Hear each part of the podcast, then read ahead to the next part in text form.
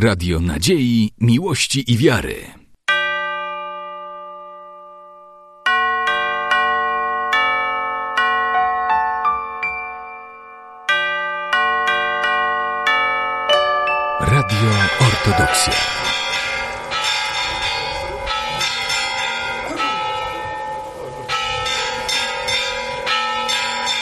Wasze wysoko preoswiaszczeństwo, wasze preoswiaszczeństwo. Sława Jezusu Chrystu. Witamy was u progu cerkwi Wielkiego Świętego, prepodobnego Serafima Sarowsko-Czudotworca.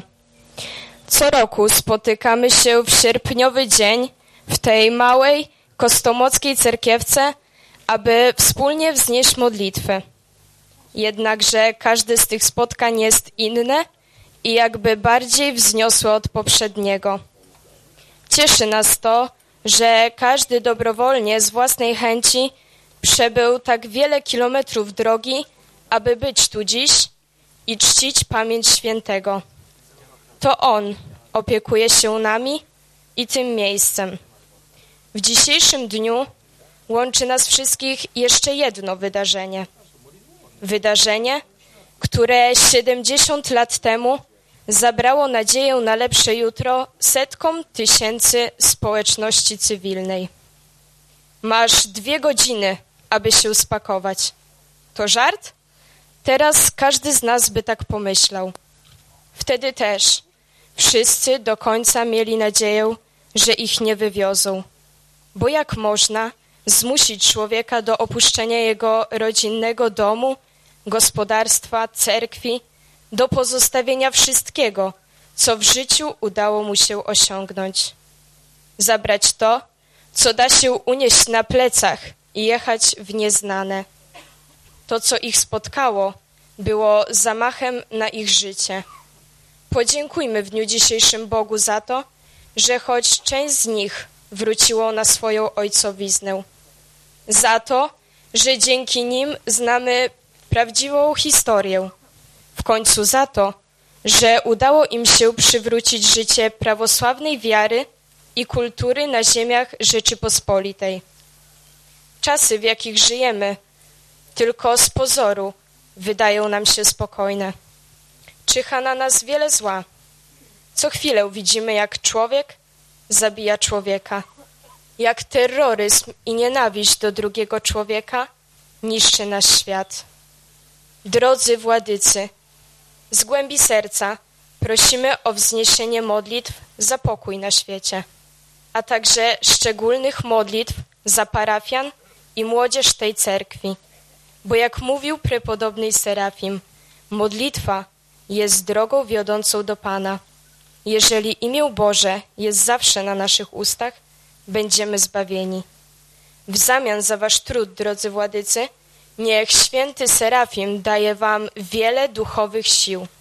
Niech posyła wytrwałość w pełnionej posłudze i zachowuje w zdrowiu duszy i ciała na mnogaja i mnogaja leta. I społajcie despota. Ale dzisiaj zdałaś dobry egzamin swojego oratorstwa. Dzisiaj gościmy hierarchów naszej cerkwi, tutaj w Kostomułotach, liczne duchowieństwo, żeby zaprezentować żywotność naszej cerkwi po tych trudnych czasach, a wy, droga młodzieży, jesteście perspektywą naszej cerkwi. I dzisiaj zniesiemy modlitwy, żeby pełnia duchowej radości towarzyszyła formowaniu waszego życia. Dziękuję bardzo. Sława Jezusu Chrystu, wysoko preoświadczeni i Władyki. Serdecznie Was witajemy w naszym селі Костомлоти. І дуже ми раді, що ви приїхали до нас зі своїми парафіянами, щоб помолитися в місті з нами до нашого покровителя Святої Церкви, преподобного Серафіма Саровського Великого, угодника Божого і чудотворця. І ще також обходимо сьогодні так смутно 70-ту годовщину акції Вісла, яку ми, ми пережили. Я, я як 12-й 12-літній хлопець, теж за, своїм, за своєю сім'єю мусив забиратися. Тут жили наші діди, прадіди, спокійно жили на тому Подлящу. Що вийшло, що ми такими зо- зостали е, преступниками, е, е, такими, що, що понижені в сполученстві. Зато просимо, дорогі владики, щоб помолитися за тих, котрі виїхали. Я то вернувся в 56-му році, але за тих, що виїхали, і мали надію, що вернуться. Села, наше села, ми вас не забудемо, але не дали ради приїхати. За те помолимося ми, щоб е, більше таке щось не споткало нашого молодого покоління, щоб воно не пережило е, тако, такого життя, як ми пережили, щоб мирно, спокійно і здорово, здорово жили в нашому краю. І сполають деспота. Дякуємо сердечно, пане Миколай, за ваші зворушливі слова. Ви, як більший процент мешканців Костомолот, всі досвідчили цієї великої жахливої проблеми.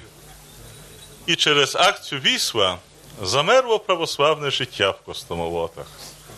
І треба було чекати більше 55 літ щоб на тому клаптікові знову зродилося, зродилося православне життя, щоб часть мешканців Костомолот знову вернула до святої православної віри, і серед тих ви, як члени тутої ради парафіальної, сталися лідерами. І на тих трагічних подіях 1947 року Сьогодні зростає нова перспектива. Засохли на очах і слези по тих пережиттях після того терпіння. І то, що сьогодні, з благословення священного чиноначалія нашої церкви, ми відзначаємо 70-ту річницю в День пам'яті преподобного Серафіма Саровського в Костомолотах, то я думаю, в серцях тих усіх переселенців, і в ваших серцях, і того народу, котрий приїхав, і зо всіх єпархій нашої церкви сьогодні до Костомолот родиться тріумф, і хочеться за словами преподобного Серафіма Саровського сказати: слава Богу за все, і за скорб, і за радість. Ми сьогодні вознесемо молитви, щоб на столах костомолоцьких домів не забракло ніколи хліба і соли, щоб і нова перспектива часу царствувала в нашому середовищі, щоб на столах того вірного нашого православного народу, котрий так численно сьогодні зібрався ось тут до Костомолот, щоб радість тріумфувала в серцях, і хліба і сови ніколи не забракло. Ваше Високопреосвященство, Ваше Преосвященство, в сьогоднішній день небо і земля Костомоцька радується, тому що архипастыри нашей церкви будут совершать божественную литургию.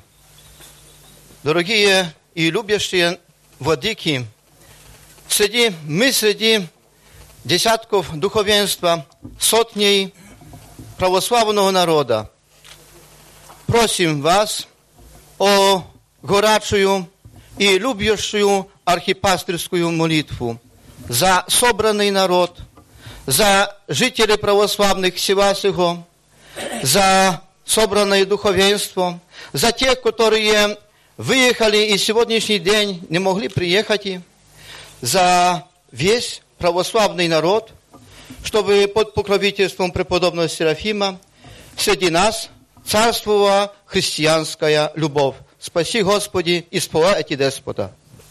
Благослови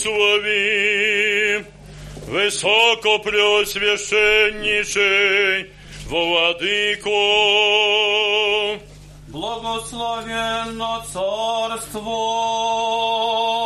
Отца и Сына и Святого Духа, ныне и пресно, и во веки веков.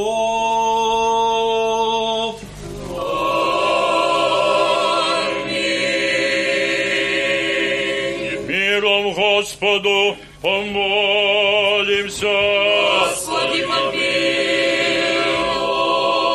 Услышим мира и спасение души наших, Господу помолимся.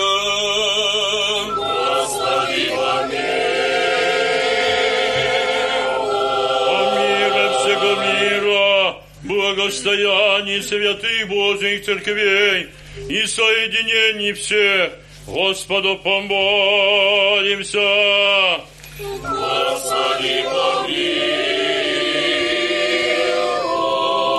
святем храме всем, и с верою, благоговением и страхом Божиим входящих вонь, Господу помолимся.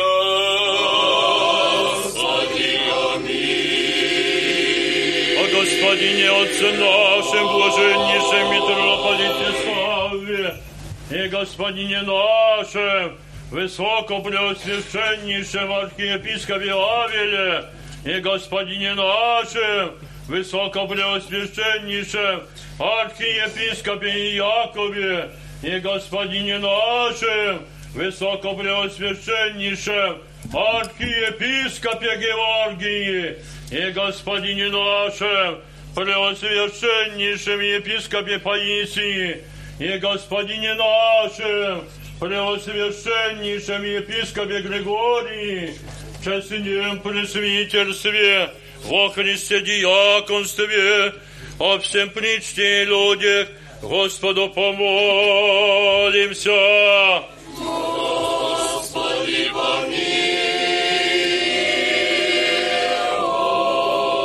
Богу храни в стране нашей, властях его и свинья, Господу помолимся. о святе и обители сей всяком граде стране, и веруя живущие в них, Господу помолимся.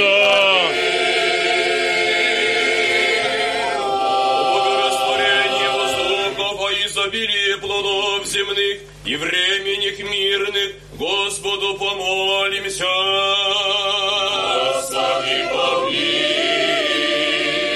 Оплаваешься, воднешествуешься, недолгоешься, страждашься плененных, и о спасении Господу помолимся. Господи, помилуй.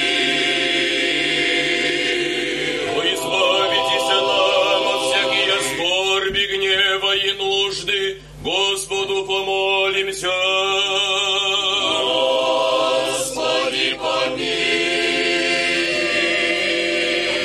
Заступи, спаси, помилуй и сохрани нас, Боже, Твоею благодатью.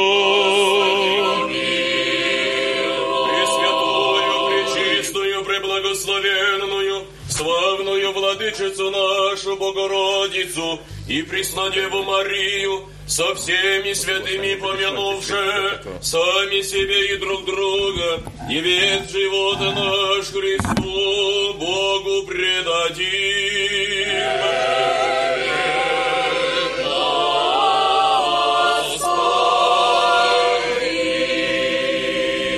Подобает тебе всякое слово, честь и поклонение Отцу и Сыну и Святому Духу, ныне и пресно, и во веки веков.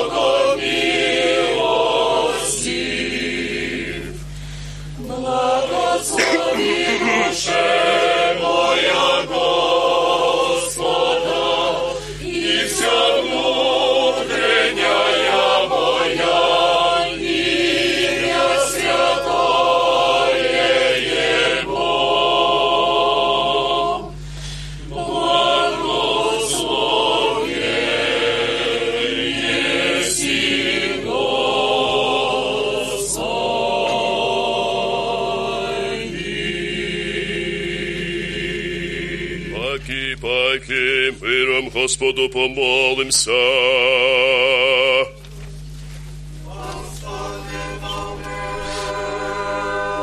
Заступи, спаси, помилуй и сохрани нас, Боже, Твоею благодатью.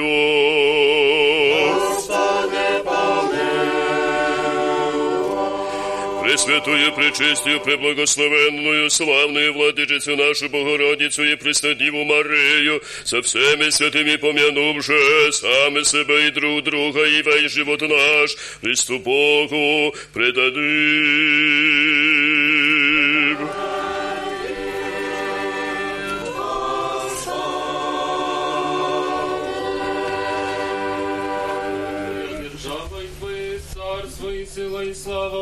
И Сына и Святого Духа, ныне и пресно и во веки веков.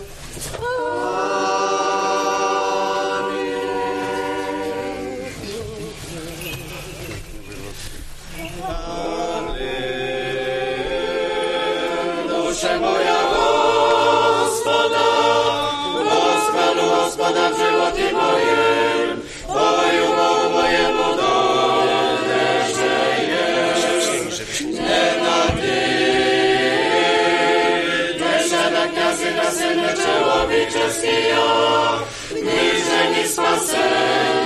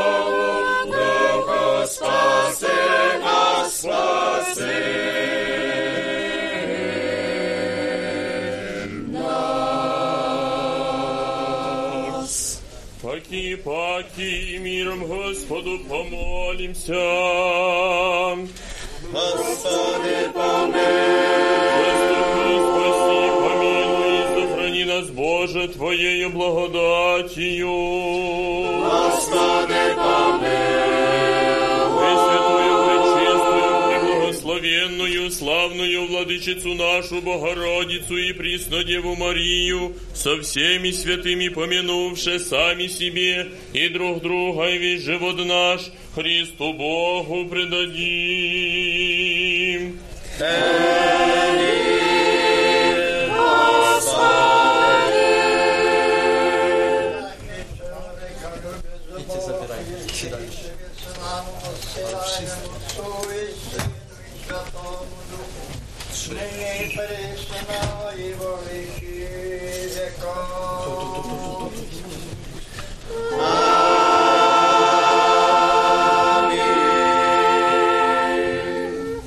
На выход выходят только микрофоны.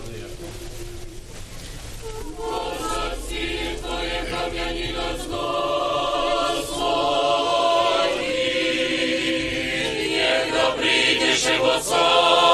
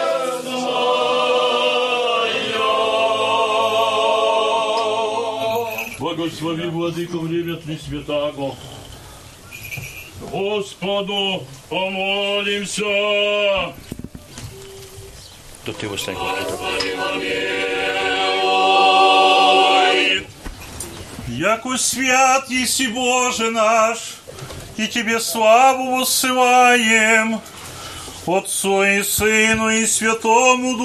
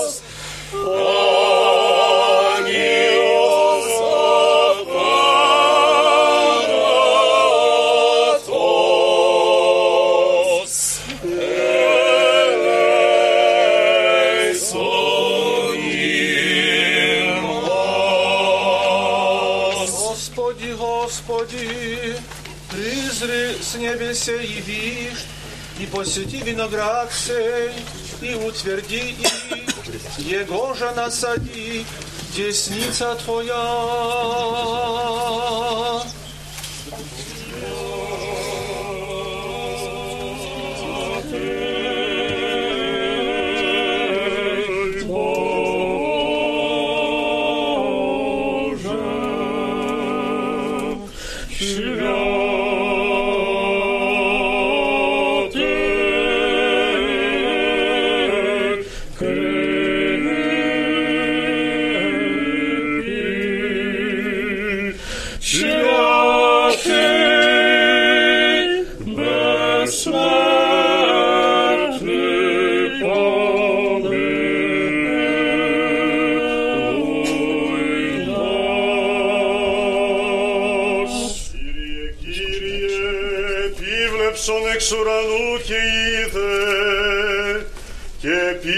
סטינם בלונטפטין, יקטרתי סאפטין, הנה פיטפסן, идексиасун.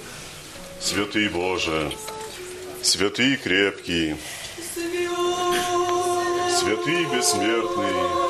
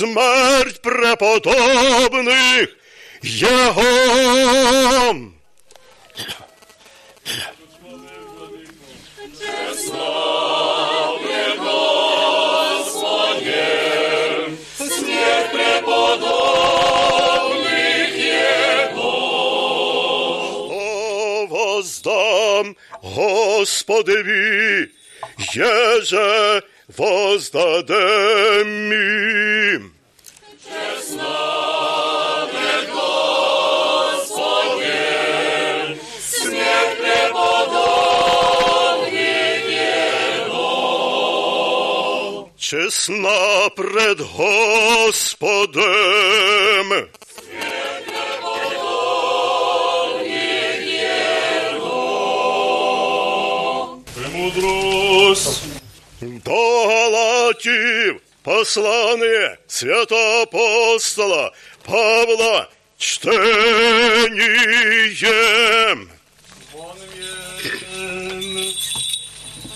Братые, плод духовный есть, любы, радость, мир, долготерпение, благодать, милосердие, вера, кротость воздержание. На таковых не из закона, а и же Христовый суд, плоть распяша со страстьми и похотями, аще живем духом, духом и ходим, не бываем славні, друг друга раздражающе и завидяще, о друг друга, тяготи носите, братіє, і аще впаде чоловік, в нікоє прегрешеніє, ви духовнії, і справляйте такових духом кротості, блюдіте себе, дане і ти, іскушен будеш, і друг друга тяготи носите, і тако ісполните закон Христов. Аллилуйя, аллилуйя, аллилуйя.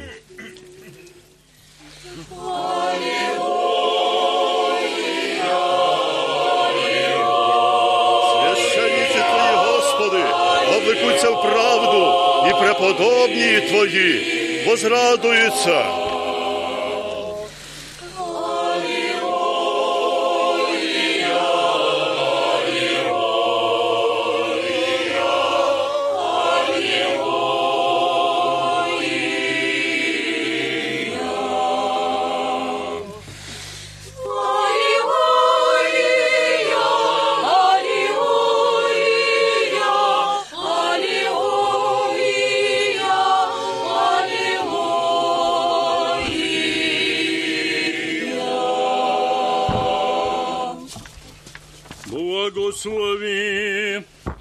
Высокопреосвященнейший Владыко, благовестителя святого апостола и евангелиста Луки.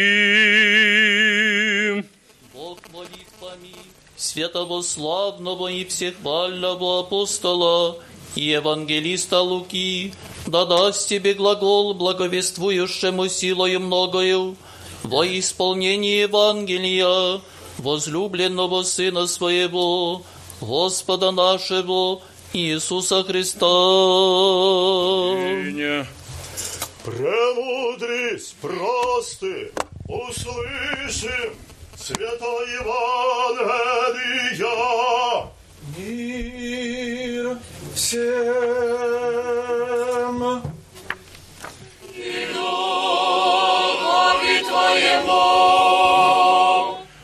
От Луки святого Евангелия в чтение.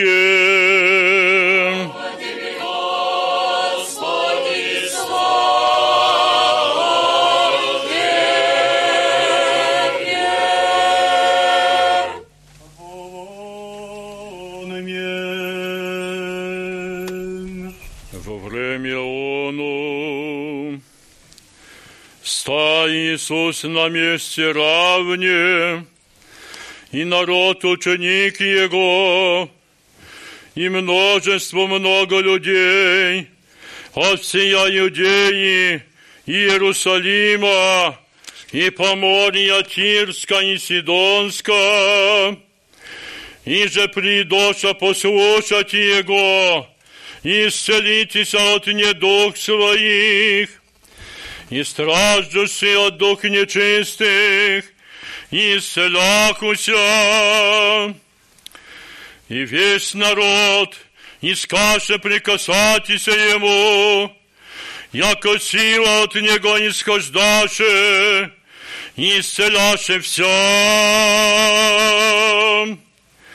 И той возьмет очи свои на ученики своя глаголаше, блаженни нищие духом, яко ваше царствие Божие, блаженни алчущие ныне, яко насытитеся, блаженни плачущие ныне, яко восмеетеся,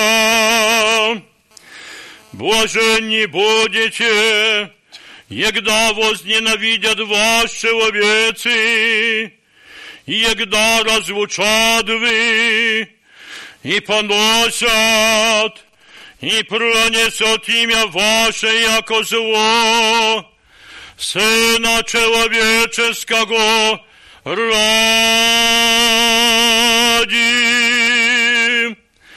Возрадуйтесь в той день i wzygrajcie sebą mzda wasza mnoga na niebieci.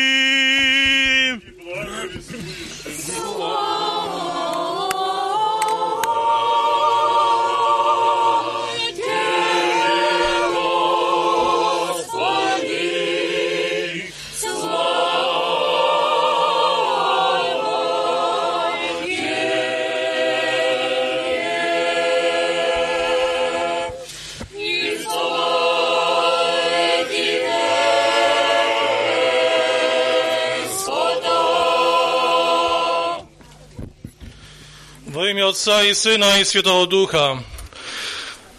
Drodzy bracia i siostry, zebraliśmy się tutaj w tym wspaniałym miejscu w Kostomłotach, aby wspólnie pomodlić się do patrona tego miejsca, świętego Serafima Sarowskiego. Świętego, który był świętym niezwykłym. Żył nie tak dawno, w XVIII wieku, już od dzieciństwa jego serce stroniło do świętości, do zbawienia, do tworzenia dobrych uczynków. Kiedy miał trzy lata, zmarł mu ojciec i od tego czasu rozpoczyna się jego edukacja od strony mamy, która przekazuje mu to wszystko, co najcenniejsze. Przede wszystkim głęboką wiarę w Boga, zachętę do naśladowania za Chrystusem. I od tego czasu zaczyna w nim kiełkować to wszystko, co prowadzi do zbawienia. Urodził się on w Kursku, w zamożnej rodzinie kupieckiej, która postanowiła, aby wybudować w tej miejscowości cerkiew pod wezwaniem świętego Sergiusza z Radonerza. I wydarzyła się taka niezwykła historia. Otóż kiedy młody Serafim wszedł na, świąty, na wieżę dzwonnicy, potknął się i upadł. W tym czasie jego mama myślała, że po tym upadku zastanie syna nieżywego, ale stało się odwrotnie. Niczego wielkiego się nie stało. Powstał on i mógł dalej z mamą powrócić do swego rodzinnego domu. Takie cudowne wydarzenie niejednokrotnie się wydarzało w życiu świętego Serafima. Chociażby kiedy miał 10 lat, zachorował ciężko i wydawało się, że już jest przy śmierci, ale oto Przenajświętsza Bogorodzica objawiła mu się i powiedziała, że go uratuje. I tak też się stało. W dniu święta ikony kurskiej Bogorodzicy, kiedy procesja z ikoną zbliżyła się do domu chorego Serafima, wyniesiono jego, on ucałował ikonę i od tego czasu został uzdrowiony. Dalsze losy świętego były, tak jak każdego człowieka, różne. Uczył się on, podglądał innych, naśladował. W wieku 17 lat postanowił, aby opuścić rodzinny dom. Mama pobłogosławiła go miedzianym krzyżem, który nosił do końca swych dni. Potem wiemy, że przebywał czasowo w Kijowie, w Świętej Ławrze, gdzie zgłębiał tajniki rozwoju duchowego i tam, stamtąd też został skierowany do miejsca, które, w którym po tym spędzał, spędził całe życie, do Sarowa. Uczył się tam od innych pobożnych ojców i ta nauka spowodowała to, że został w sposób cudowny prowadzony przez Boga. Na nim spoczęła łaska Boża. On, kiedy spotykał człowieka, zawsze z wielką radością pozdrawiał go. Chrystus woskresie. W jego sercu nie było smutku, chociaż bardzo, bardzo starał się i trudził dla swego zbawienia. To właśnie on potrafił tysiąc dni wytrwać na kolanach, klęcząc i walcząc ze swoimi słabościami, prosząc Boga o wstawiennictwo. To właśnie On spowodował to swoją postawą, że nawet dzikie zwierzęta podchodziły do Niego i On potrafił je karmić. Przykładem jest spotkanie z niedźwiedziem i wiele, wiele innych. Należy też wspomnieć, że 15 lat spędził w tam, tak zwaną zatworę. To jest nie wychodził, tylko rzadko wychodził, aby tam kontemplować i modlić się. Ale potem otrzymał specjalną misję od Bogu Rodzicy, aby pomagać innym. I pomagał, jak mógł. Udzielał uzdrowień i cielesnych, i duchowych. Wiemy o tym też, że szatan bardzo go nienawidził. Do tego stopnia, że bardzo często objawiały mu się różnego rodzaju dziwne duchowe postacie, które miały spowodować to, że zwątpi. Wiemy też, że pojawili się u niego trzej rozbójnicy, którzy go bardzo mocno pobili i od tego czasu już nie zachowywał prostej postawy, a był skulony. To wszystko świadczy o tym, jak wielką postacią był ten niedawno żyjący święty. I to wszystko nam pokazuje, że świętość jest dostępna dla każdego z nas. Jeśli tylko zechcemy, jeśli zechcemy zachować to, czego nas nauczyła mama i nasz ojciec, nasi dziadkowie, będziemy w stanie być prawdziwymi ludźmi. To jest tymi, którzy naśladują Chrystusa. Jest to szczególnie ważne, kiedy dzisiaj wspominamy 70. rocznicę akcji Wisła To właśnie postanowieniem Świętego Soboru Biskupów naszej cerkwi to miejsce zostało ustanowione, aby w tym miejscu świętować tą szczególną, tragiczną uroczystość. Braty i sestry, Я думаю, що серед нас є багато свідків цієї трагічної акції Вісла. Мої діди і батько також були виселені, і я можу сказати, що я також почасти являюся жертвою тієї трагічної акції Вісла. Що ж можна сказати? Була це велика трагедія. Як можна так зробити, щоб людям давати не раз годину, не раз дві, щоб спакувати ціле своє майно і попрощатися з тим місцем, де вони жили ціле своє життя, де проживали їх діди, прадіди, де мали змогу ходити до своєї рідної церкви, спілкуватися зі своїми сусідами, разом колядувати, разом співати Христос Воскрес. А пізніше що наступило? Велика трагедія. Дві години. І я знаю це від свідків цих трагічних подій, що навіть жінки не мали часу, щоб спеца взяти хліб опечений. І все залишали. Поля засіяні, сади овочові, і все те, що для них було рідне. Їхали на чужину, вони не знали, де їдуть. В бедлячих вагонах, разом з худобою. Там що застали? Тільки знищені побудовання.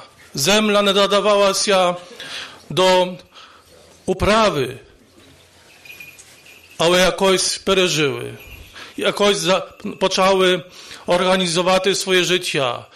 Хоча далеко від своїх сусідів. Помаленьку, помаленьку. Ходили то туди, то сюди. І так старалися. З часом на тих, на тих землях повстали храми, де вони вже могли разом прийти і помолитися. Але який важкий час, треба собі уявити, пережили, коли через перші роки, коли засідали до рідного столу і не було з ким заколадувати. Це був важкий час. І слава Богу за все, що те минуло. І надіємося, що така велика трагедія ніколи не повториться. Деякі з цих людей повернули до своїх батьків, до своєї родинної землі, але треба пам'ятати про те, що поверталися, але там вже нічого не було. І знову треба було починати своє життя від початку. Дорогі брати і сестри, коли сьогодні згадуємо ці великі і трагічні події, треба нам сьогодні помолитися за тих, які не пережили цієї депортації, які не дождали великодних свят, щоб разом заколадувати. Але також і про тих, які осталися там і живуть, і також за тих, які повернули. Сьогодні можна сказати, що є одне діло, яке виводиться з цієї трагічної акції. То є так, там, де на землях західніх не було ніколи православного християнства, там воно народилося. І на цій трагедії тих людей там повстала церква православна. І вони свідчать сьогодні про церкву православну, заховують традицію, культуру, яка дуже цінна для всіх нас. Одна пісня про акцію Вісла говорить, написані там такі слова. Села наші села, ми вас не вас забудемо. Ми вас не забудемо, ми до вас прибудемо. І дійсно, багато людей повернулося. І вони також, хоча багато перетерпіли, то все-таки передають цю спадщину, цю культуру, цю релігію, яку плекали через ціле своє життя. І нелегко було опущати рідні доми, бо як написано, а у суботу рано ще сонце не встало, до нашого села військо приїхало. Так було, дорогі брати і сестри.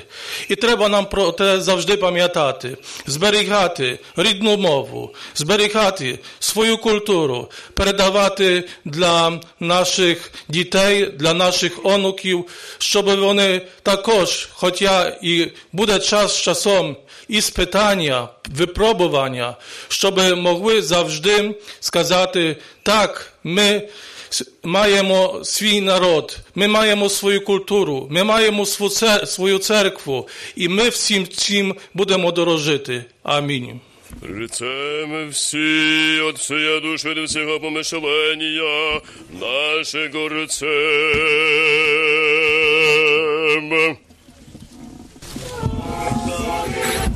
Держите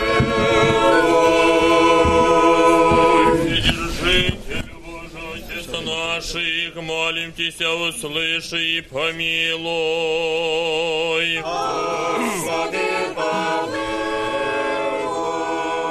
Помилуй нас, Боже, по велицей милости Твоей, молим Тися, услыши и помилуй.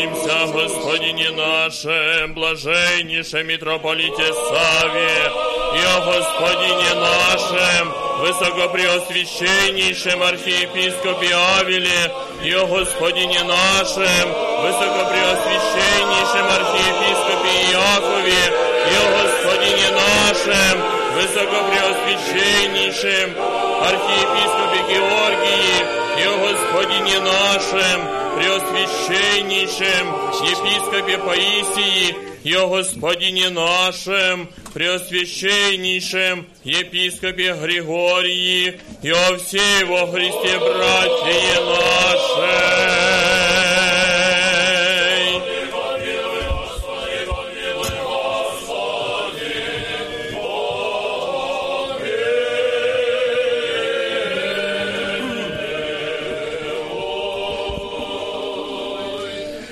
Jeszcze молимся, Бог, хранимой страны властих і и воинствия, на тихої і безмолвної житие поживем во всяком благочесті і чистоте.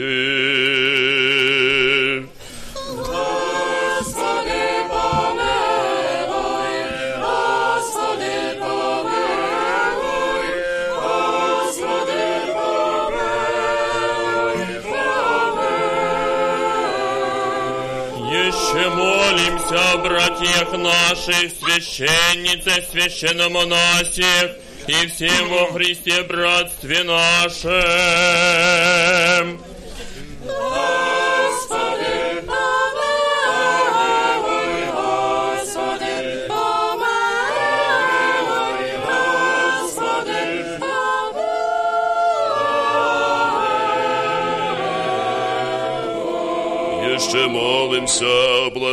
блаженных и преснопамятных святейших патриарших православных и создателях святой обители сия, и о всех преждепочивших отцах и братьях, сдележащих и повсюду православных.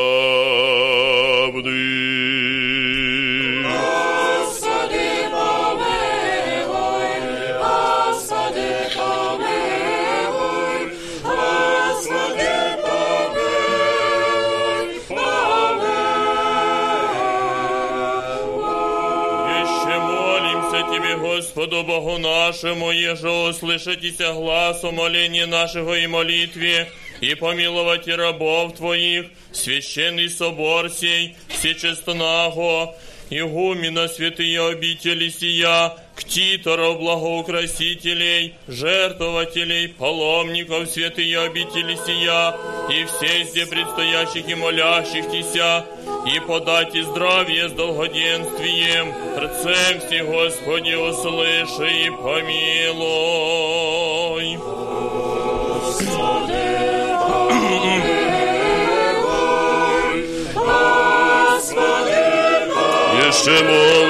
плодоносящих и добродеющих во святем сечестем храмі сим, труждающихся, поющих и пристоящих людях, ожидающих от Тебе, великие и богатые білости. Господи, помилуй,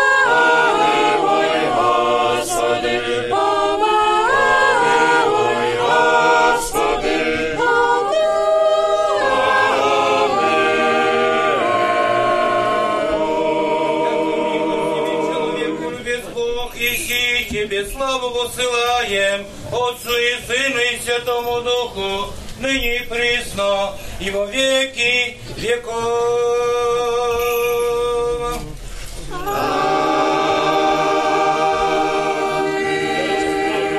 Помолимся. Господи,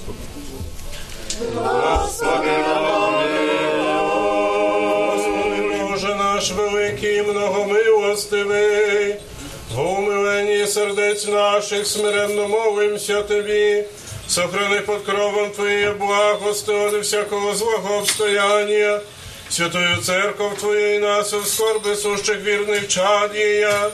Огради нас на всіх путях наших святими Твоїми ангели, да ничто же успіють обинящи нас, і син беззаконня не приложить згубити нас, і сповни нас до Твою дні і кріпості і сил, да совершимся во славу Твою, во Богу святої церкви Твоєя, ми же все Богому Твоєму промишленню о нас радуючися, на всякденний час благословим і прославим, все святое ім'я Твоє, Отця і Сина, і Святого Духа.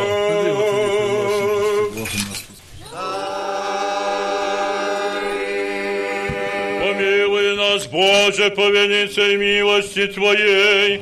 Молим Тебя, услыши помилуй. Еще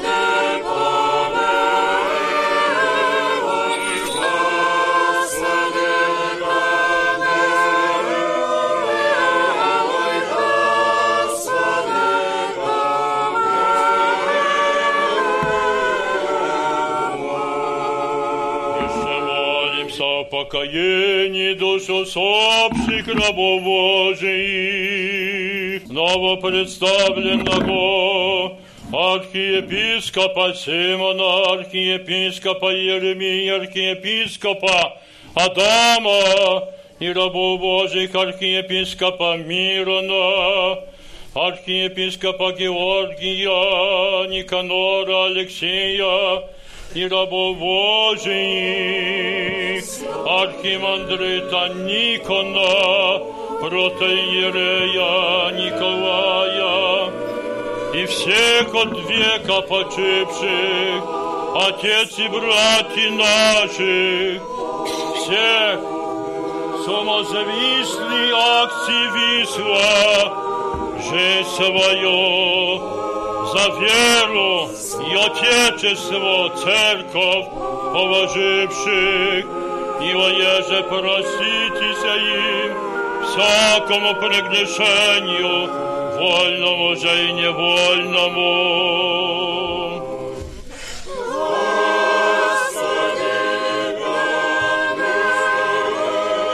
Якогда Господь Бог учини души их, где же все праведни упокояются.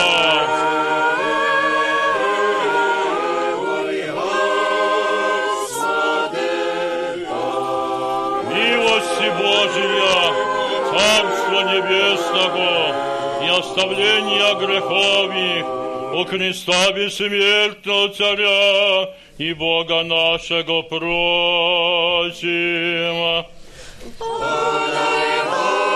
Господу помолимся.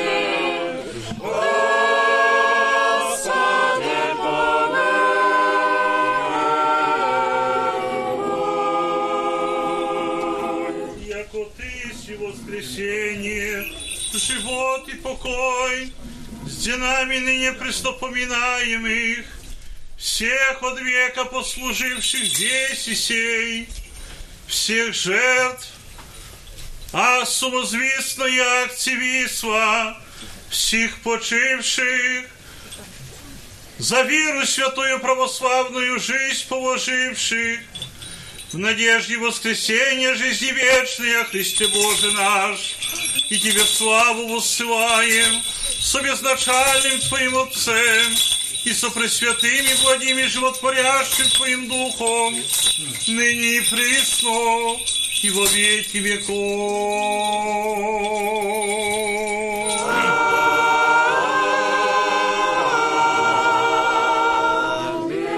Помолитесь о оглашении Господеви.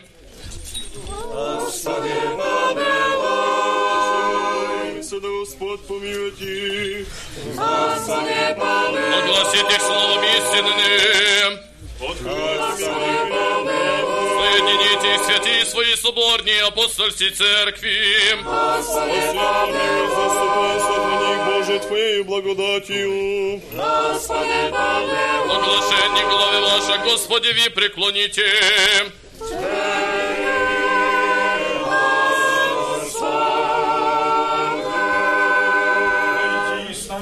славят пречестное и великолепное имя Твое, Отца и Сына и Святого Духа, ныне и присно и во веки веков.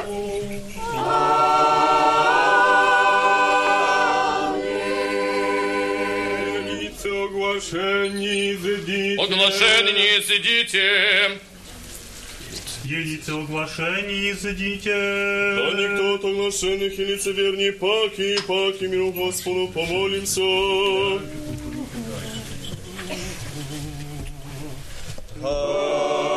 Господи, Наступи, спаси, помилуй, сохрани нас, Боже, Твоей благодатью.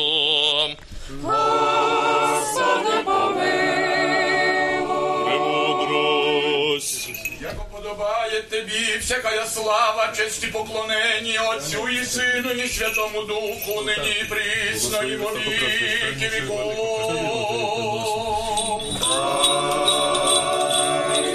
Благие паки, миром Господу помолимся.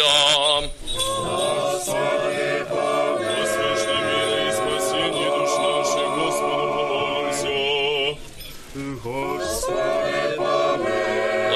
всего мира, благостоянии Святой Божией Церкви и соединении всех Господу помолимся. Господи, страхом Божьим, входящий вонь Господу помолимся. Да избавитесь нам от всякие скорби, гнева и нужды, Господу помолимся. Заступи, сохрани нас, Боже, Твоей благодатью.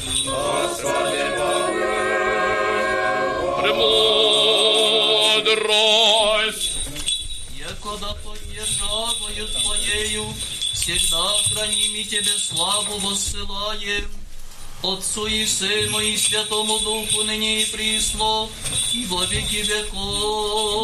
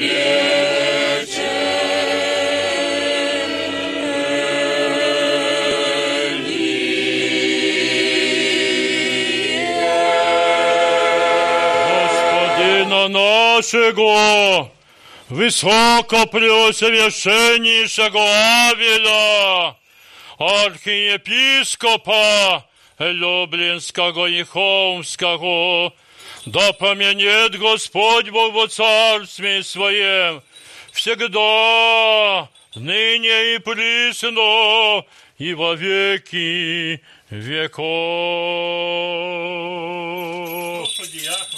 Архиерейство Твое да поменит Господь во Царстве Своем всегда.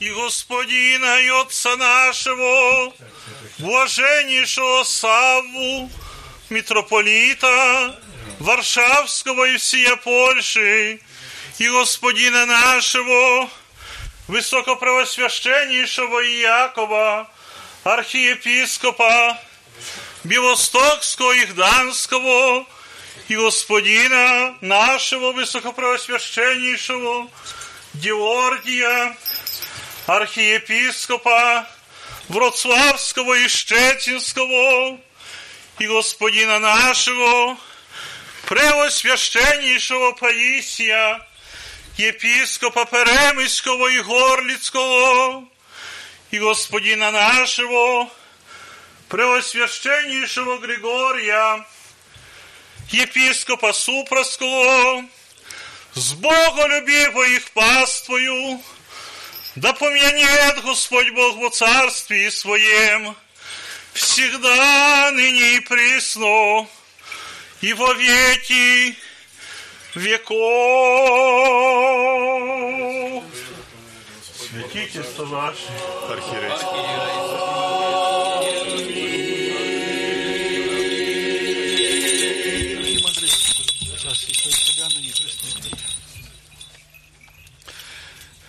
i gospodina naszego, wysokopreoswieszczenniejszego Awiela, archiepiskopa Lublińskiego i Холмskiego, да помянет Господь Бог во Царстве Своем всегда на ней и присно и во веки веков, священство, диаконство, монашество и весь чин церковный, Богохранимую страну нашу, власти и воинство ея, да помянет Господь Бог во Царстве Своем всегда на ней и присно и во веки веков, наместника и братью святые обители сия, прихожан, души от нас, представшихся раб своих, пострадавших в акции Висла, да помянет Господь Бог во Царстве Своем всегда на ней и присно и во веки веков, вас и всех православных христиан, да помянет Господь Бог во Царстве Своем всегда на ней и присно и во веки веков.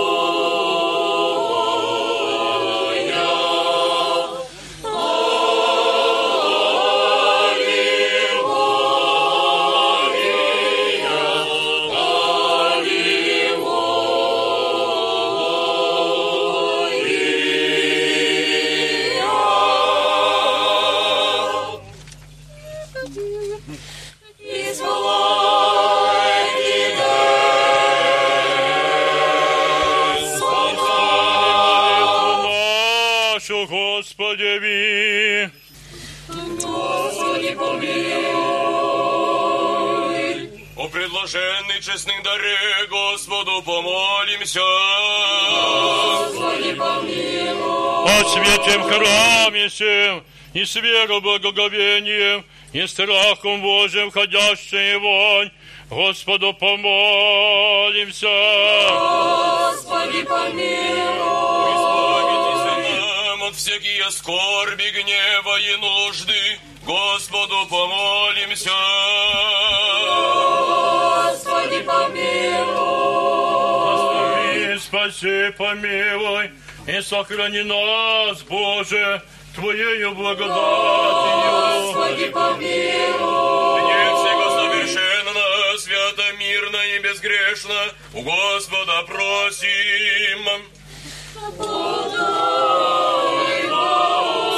Ангела мирно, верно, наставника, хранителя душ и телес наших, у Господа просим.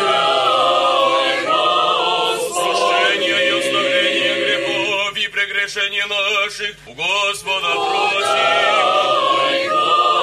Добрых и полезных душам нашим, мира, мирови, у Господа просим. Божие время живота нашего в мира и покаяние скончати, у Господа просим. Христианские кончины живота нашего, безболезненны, непостыдны, мирны, и добро ответа на страшном судище Христове просим.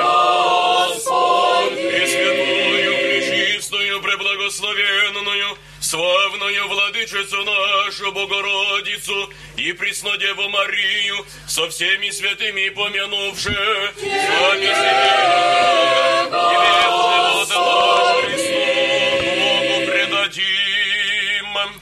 щедротами единородного Сына Твоего, с Ним же благословение си со Пресвятым Благим и животворящим Твоим Духом ныне и присно, и во веки веков. Мир.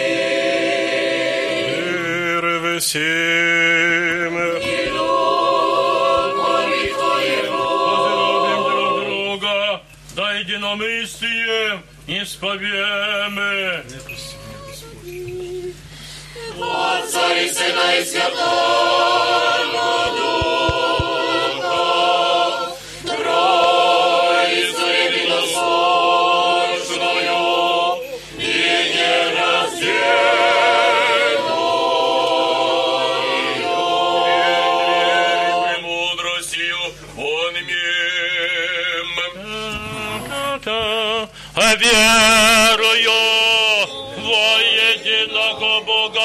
Przedrzeciela. Twórca niebo i ziemi widzimy, że wszech niewidzimym. всех невидимым, Его единого Господа Иисуса Христа, Сына Божия,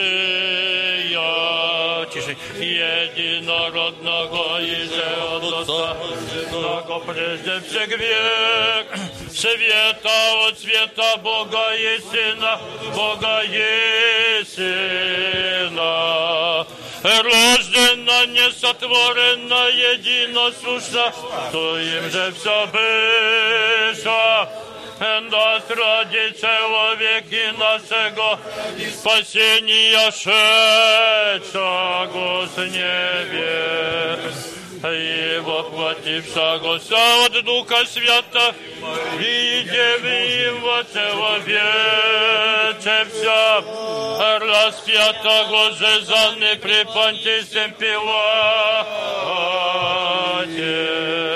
и страдавша, и погребенна, и воскрешала, третий день по Писаниям, и вошедшего на небеса, и сидящего Ipak igrla duša, gosta slava i osuditi živim, živim je Božeca, si on je budjet konca. I vdoka svjetago gospoda, porasta koji že od oca ishodjaša. Со Отцем и Сыном поклоняемо, мимо глагола всяко пророки, во едино святою, соборною і апостольською. Исповедую едино крещение, оставление грехов, чаю воскресением мертвых.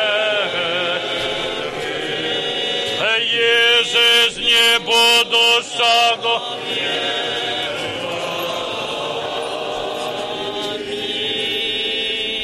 Встанем добре, встанем со страхом, вон имеем святое возношение в мире приносите.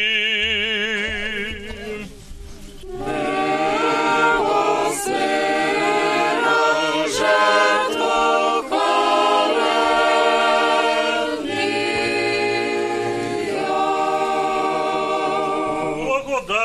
Господа нашего Иисуса Христа и люби Бога и Отца и причастие Святого Духа буди со всеми вами.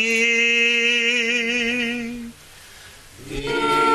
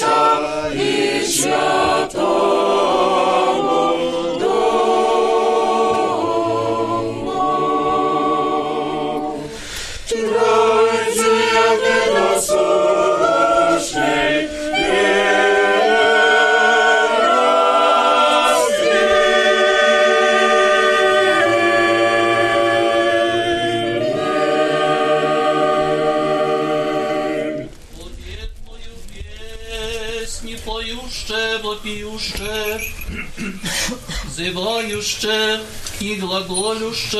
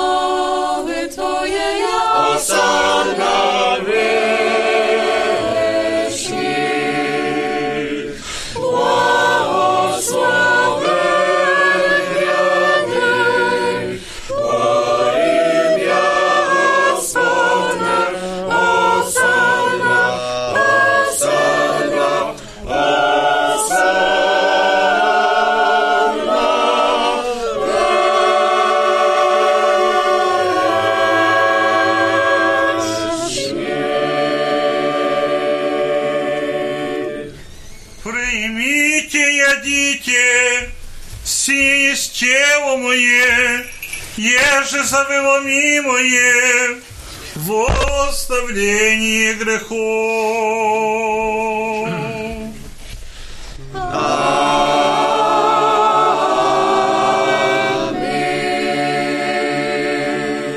Пейте от нея все, сия есть кровь моя, Нового Завета, я же за вы и за многие сливаемая в оставлении грехов.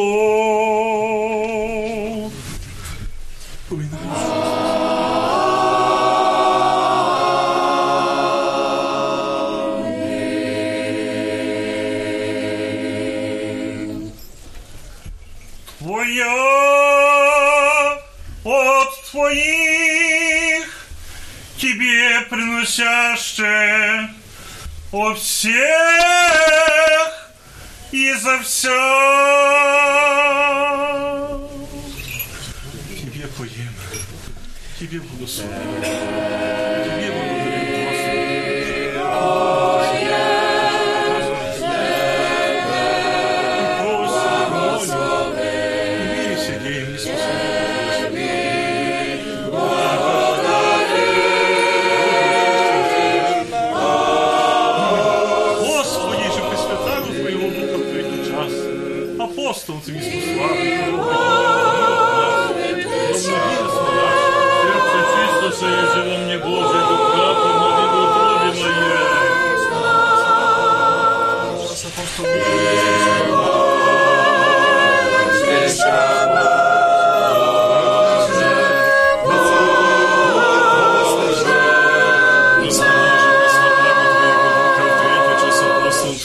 Твоим у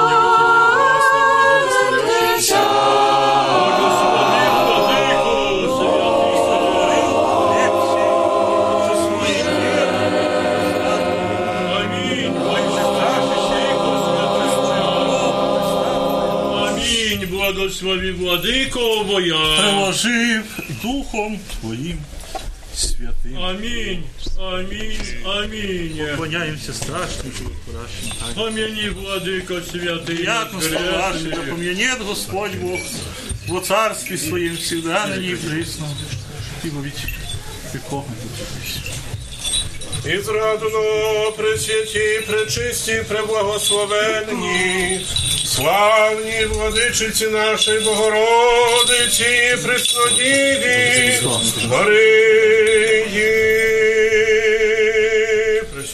そして日々何かを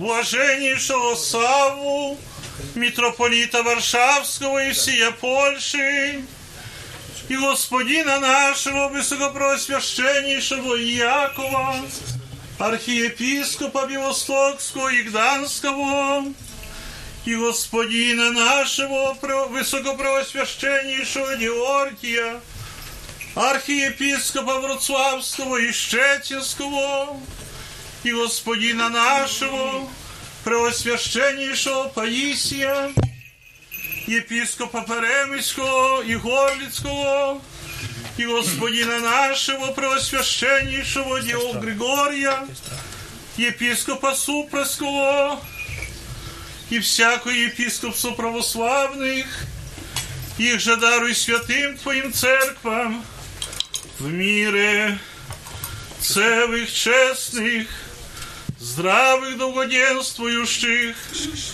правоправящих, Слово Твоей истины. Господина нашего, высоко преосвященнейшего Авеля, архиепископа Люблинского и Ховского, и господина нашего, высоко преосвященнейшего Иакова, архиепископа Белостокского и Гданского и господина нашего, высокопреосвященнейшего Георгия, архиепископа Вроцлавского и Щетинского, и господина нашего, Преосвященнейшего Паисия, епископа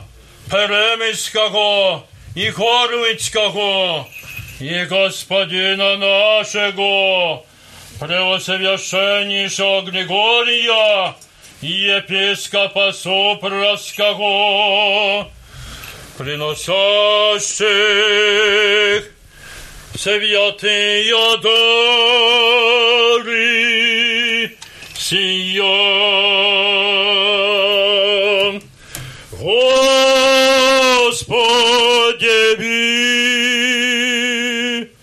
Богу нашему.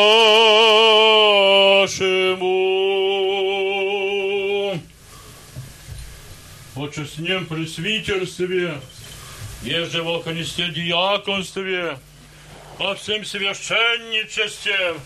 И иночестем чине, о Богом хранимой стране нашей, властях и воинстве я, о мире всего мира, о благостоянии святых Божьих церквей, о избавлении братьев наших во всякой скорби сущих, о спасении людей, предстоящих заде и помышляющих киждо их о своих согрешениях и о всех и за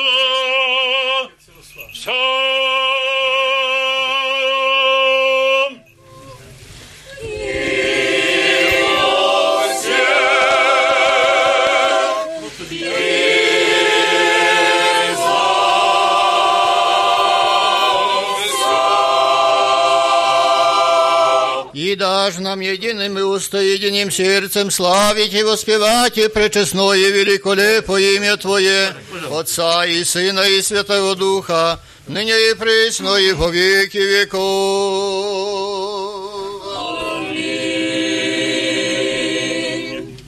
И да будут милости великого Бога и Спаса нашего Иисуса Христа со всеми вами.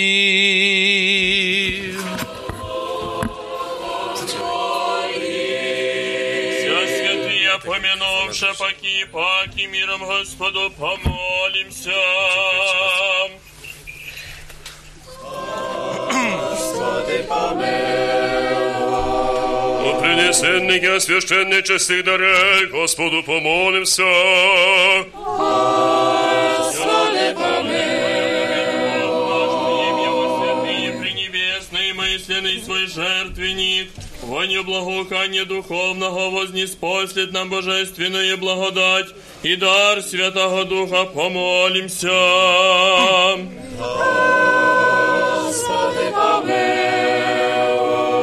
Избавитесь нам от всякие скорби, гнева и нужды, Господу помолимся.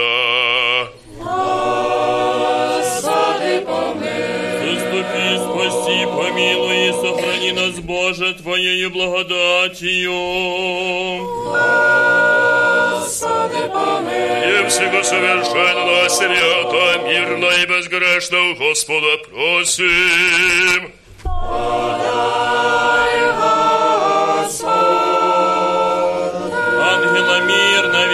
наставника, хранителя души телес наших, Господа просим.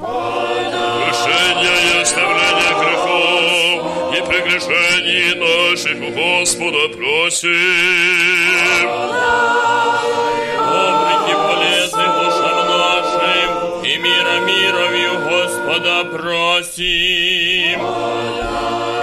Ныне время живота нашего в мире и покаянии скончать и у Господа просим.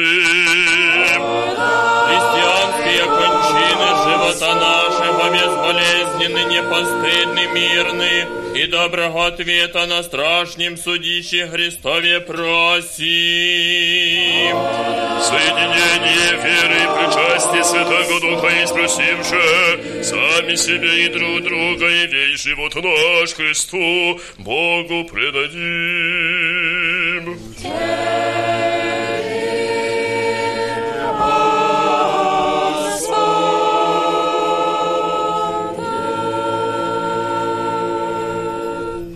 И сподоби нас, Владыко, с одерзновением неосужденно смейте призывать и Тебе небесного Бога Отца и глагола Ти.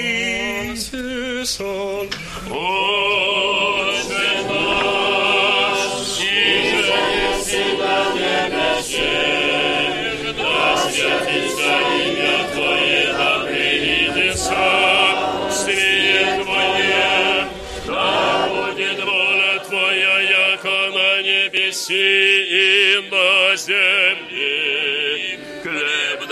zasłużony darze nam dnes i ostawi nam dolgi nasze, jako że i my ostawiamy dłużnikom naszym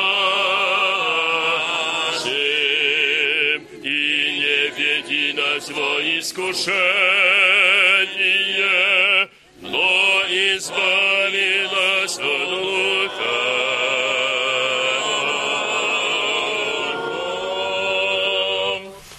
Яко Ты, Царство, сила, слава, честь Сына Святого Духа, ныне присно веки веков.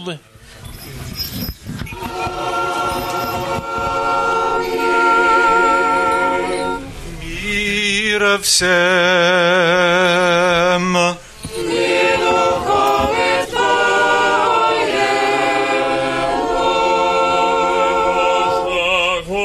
Господеви преклоните.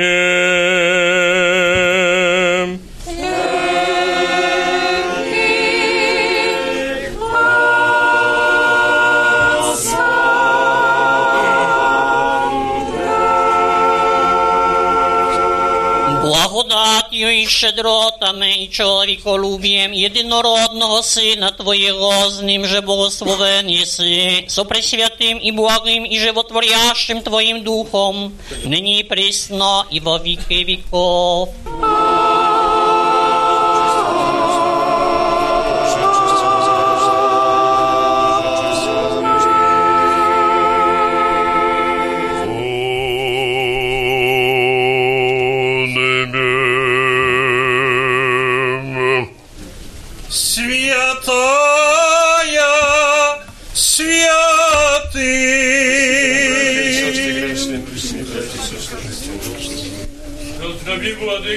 Святий князь. Ісповні, владико, святий потір.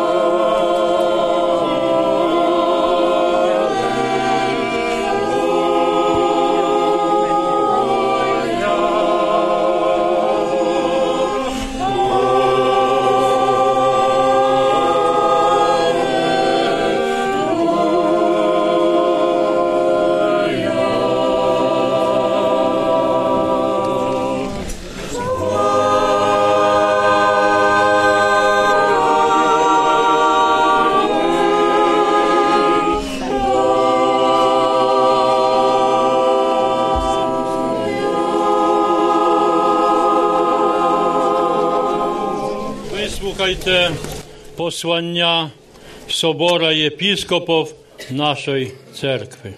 Przesłanie Świętego Soboru Biskupów Świętego Polskiego Autokafalicznego Kościoła Prawosławnego z okazji 70. rocznicy tragedii akcji Wisła do czcigodnego duchowieństwa, miłujących Boga mnichów i wszystkich wiernych. Bracia i siostry, w bieżącym roku swoją pamięcią wracamy do tragicznych wydarzeń z 1947 roku, które spowodowały, że nasi dziadowie, ojcowie, bracia i siostry zostali zmuszeni do odpuszczenia swojej ojczyzny i udania się w nieznane.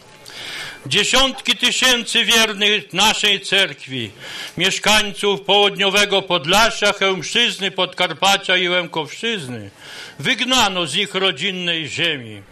Związane to było z tragiczną w skutkach akcją Wisła.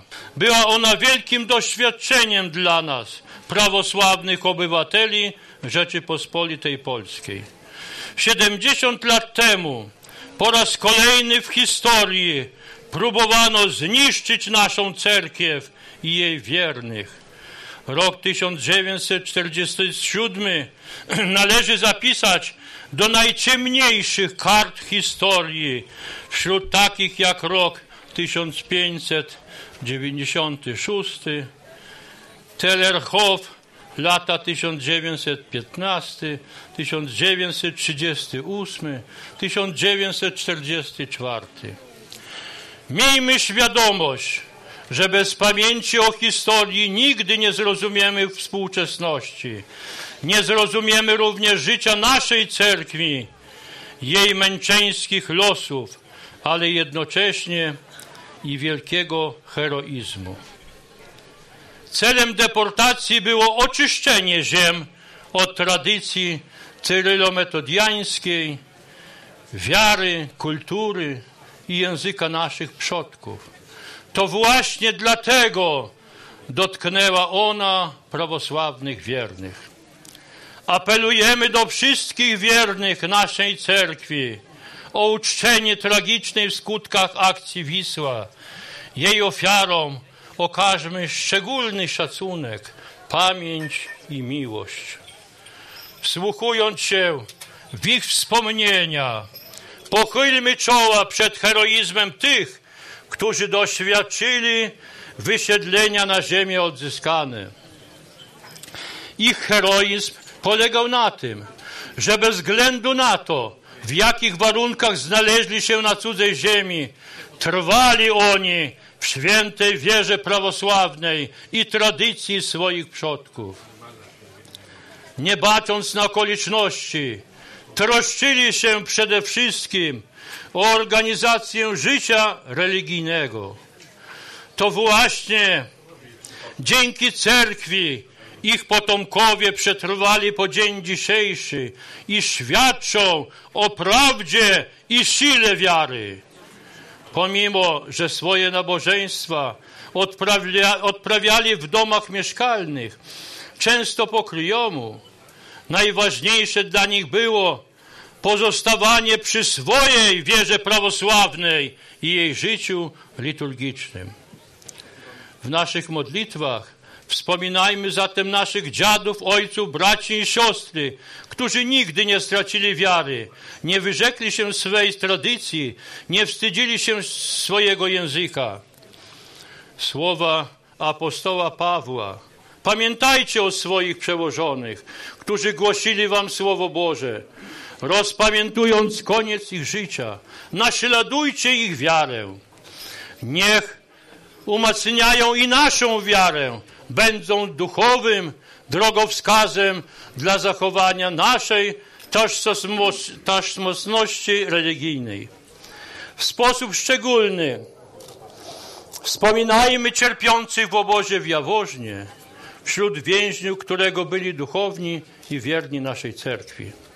Wspominajmy również wszystkich, którzy przekazali nam największy skarb, jakim jest święte prawosławie, jego tradycja oraz kultura i język naszych przodków.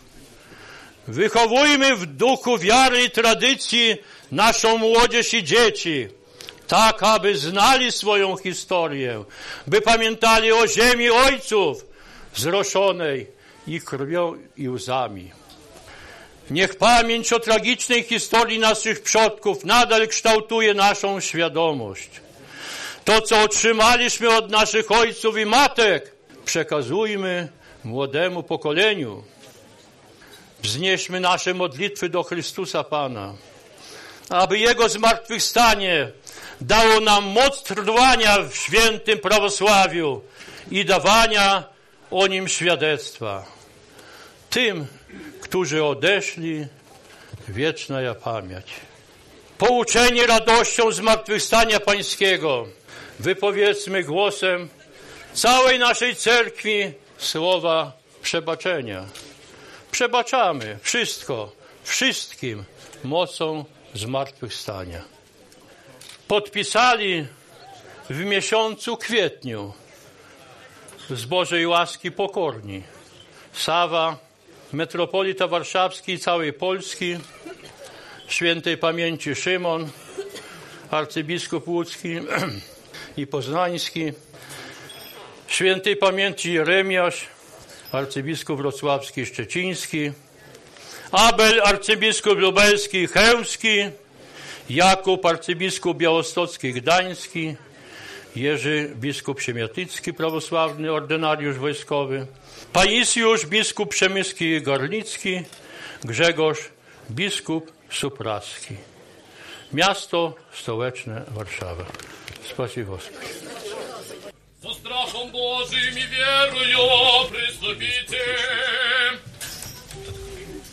Благослови гряды во имя Господне, о Господи, явися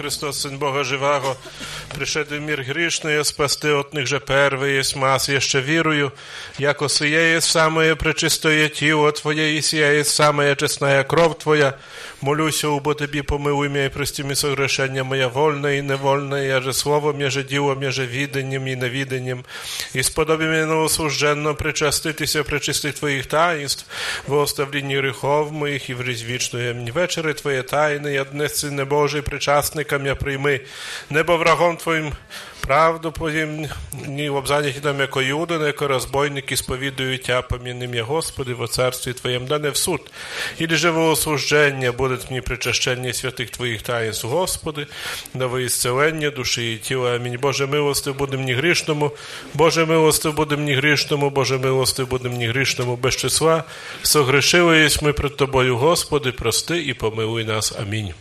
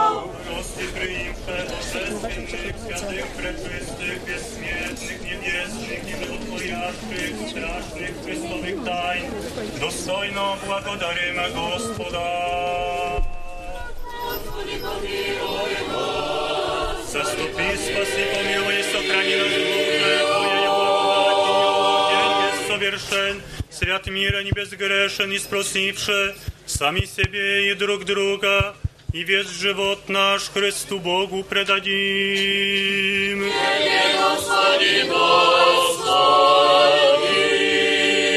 Яко Ты есть освящение наше, и Тебе славу воссылаем, Отцу и Сыну и Святому Духу, ныне и пресно, и во веки веков.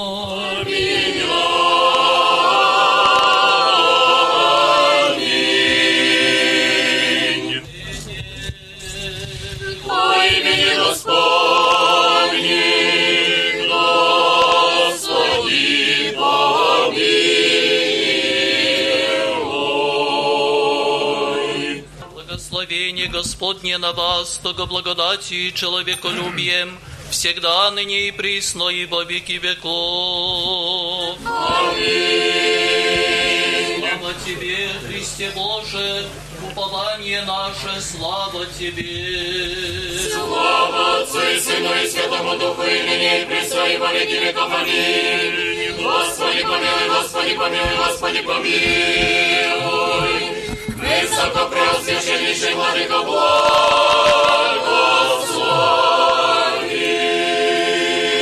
Христос, истинный Бог наш, молитвами пречистая Своей Матери, святых славных и всех вальных апостол, святых славных и добропобедных мучеников, святого мученика младенца Гавриила Заблудовского, святаго священномученика Максима Горлицкого, святаго преподобномученика Антония Супраского, святых мучеников холмских и подляжских, святых триек вселенских учителей и святителей, Василия Великого Григория Богослова Яна Златоустого, преподобного и богоносного отца нашего Нуфрия Великого, преподобного Сергия Радонежского, Амвросия Оптинского, Иова Почаевского, Антония и Феодосия Кио-Печерских, преподобного и богоносного отца нашего,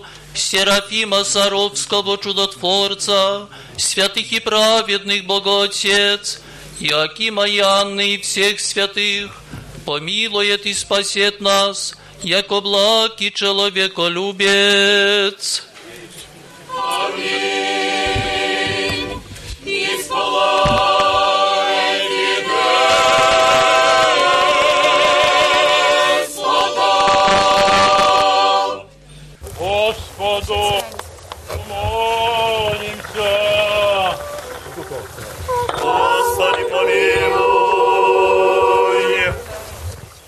Господи Боже наш, Отче Вседержителю Боже Савов, и же древом живота посреди рая сущего прообразились и животворный крест единородного Сына Твоего, и вместо древа прислушания Его же вкусом все лукавый змей правоцы наша, и с ними весь род человеческий из рая изгна, и в смерть привлече знамение оного живоносного креста, и сия памятные доски, на нем же воз...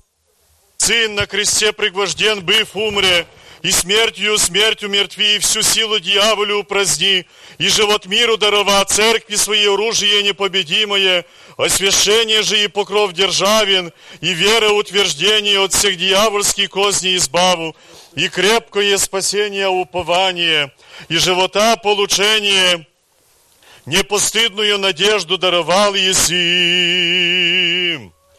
Тем же мы раби Твои, толикие благодати Ту не сподобшиеся, благодарнее Иисуше славу и благодарение, и смиренное поклонение приносим Твоему величеству, и молимся умильно, якода милостивно призреши на сей камень, на сей памятный камень в честь жертв погибших в акции Висла. От усердия и твердия веры и любви мы, раби Твои, к Тебе сооружиша, в знамение победы Сына Твоего Господа нашего Иисуса Христа, свободы же избавления нашего, и не спасли на небесные Твое благословение, и освяти и благослови, исполни силы и благословения, Он и сей камень, на нем же памятствуются имена погибших жертв акции Висла. Ты боишься освящения, источник и всех благих, богатый податель, и Тебе славу воссылаем с единородным Твоим Сыном, и с пресвятым и благим и животворящим Твоим Духом, ныне и присно и во веки веков. Совершается доска сия укрепления воды сия.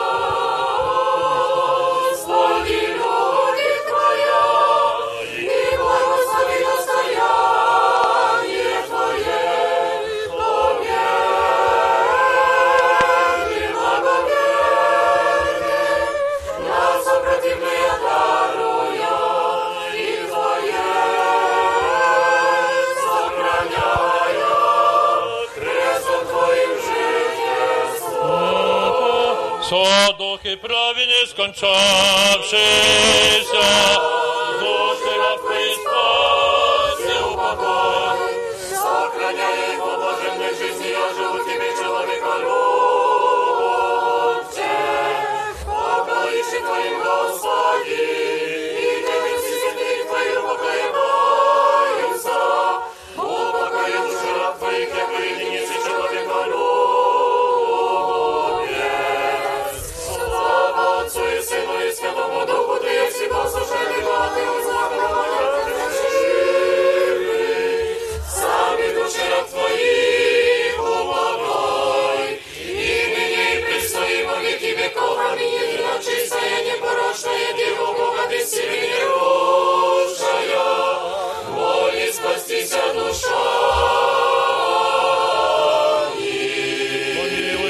Боже, по велицей милости Твоей. Молим Тебя, услыши и помилуй.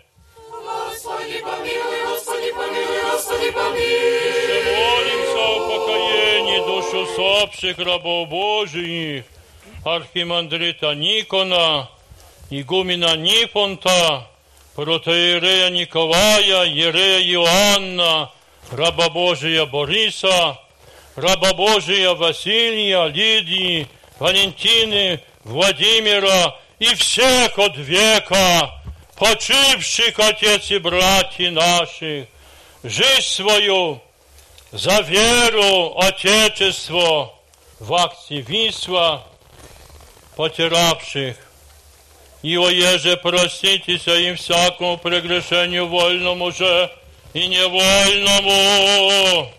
Господи, помилуй, Господи, помилуй, Господи, помилуй.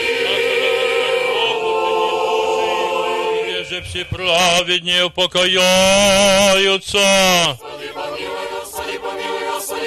Милости Божия, Царства Небесного и оставления грехов их у Христа Бессмертного Царя и Бога нашего просим. Господу помолимся.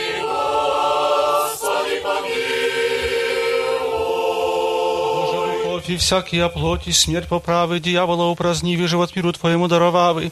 Сам Господи, покой души усопших раб Твоих, отшедших отец и братьев наших, пострадавших в акции Висла, вместе светле, вместе злачне, вместе покойне, отнюдь же отбеже болезнь печали, воздыхание, всякое согрешение, содеянное ими, словом или делом, или помышлением, яко благий и человеколюбец Бог прости, яко не есть человек, и же жив будет и не согрешит, ты бо един кроме греха, правда Твоя правда во веки, и слово Твое истина, Яко Ты есть и воскресение, живот и покой усопших раб Твоих, всех здесь ныне нами поминаемых, Христе Боже наш, и Тебе славу воссылаем с безначальным Твоим Отцем и с пресвятым и благим и животворящим Твоим Духом, ныне и присно и во веки веков.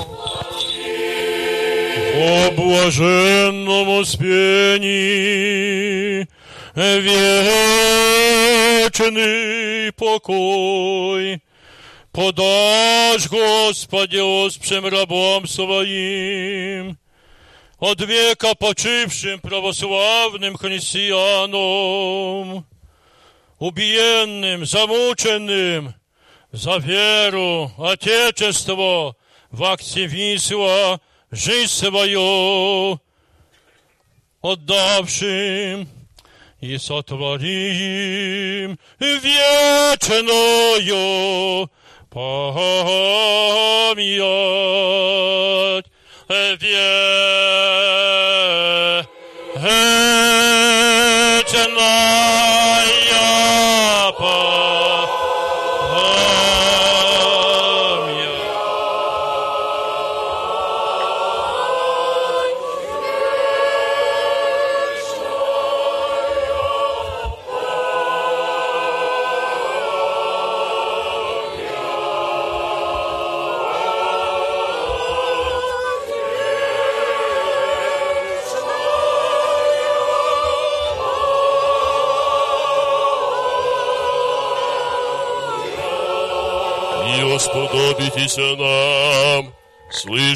Святаго Євангелія, Господа Бога молим. И мудрость прости, услышим святого Евангелия.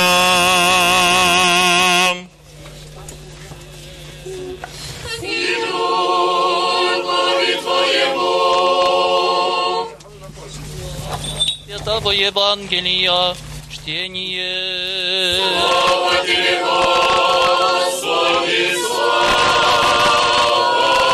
Тебе.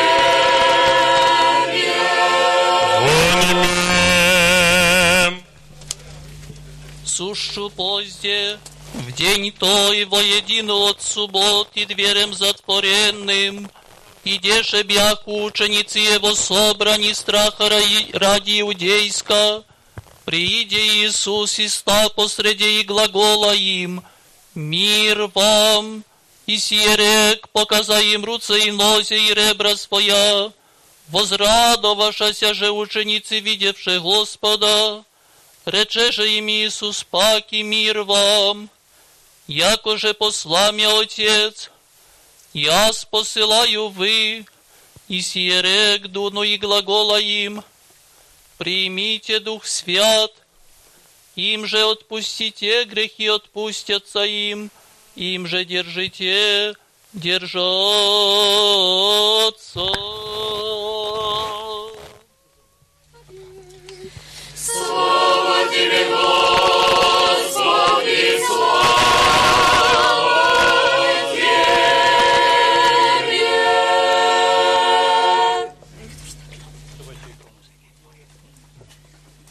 ko prepodobnomu ocu našemu, Serafimu Saropskomu čudotvorcu, po mojim srcem si.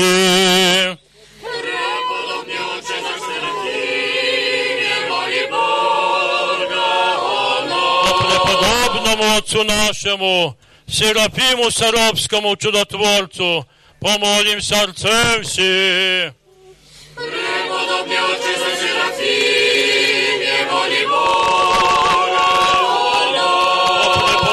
преподобному отцу нашему, Серафиму Саровскому, помолимся сердце всем. Преподобні Отче наш Серафіме, молі Бога о преподобному отцу нашему Серафиму Саровскому, чудотворцу, помолимся сердце всем.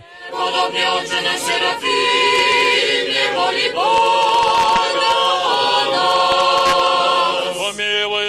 Боже, по великой милости Твоей. Молимся, услыши и помилуй. Господи, помилуй, Господи, помилуй, Господи, помилуй.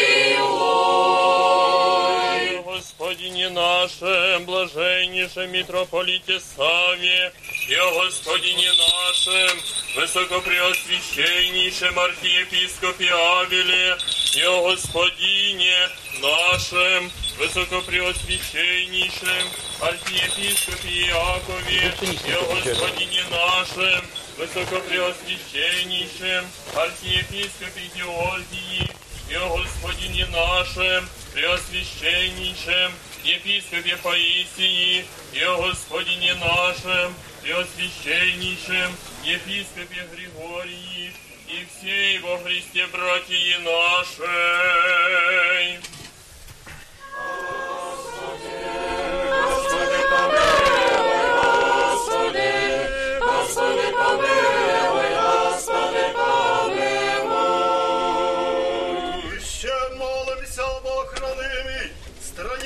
Стране нашей, власти и воинстве ее, на тихо и безмолвное житие поживем, во всяком благочестии, и чистоте. Господи, Господи, помилуй, Господи, Господи, помилуй, молимся Господу Богу нашему, еже услышатися глаз и моления нашего, и молитве и помиловать рабов своих, наместника игумена Амвросия, прихожан, паломников, жертвователей, благоукрасителей, всех здесь предстоящих и молящихся, и покрытие всякие скорби, беды, гнева и нужды, а всякие болезни душевные, телесные, даровать же им здравие с долгоденствием, руце все скоро услыши, и милостивно помилуй. Господи,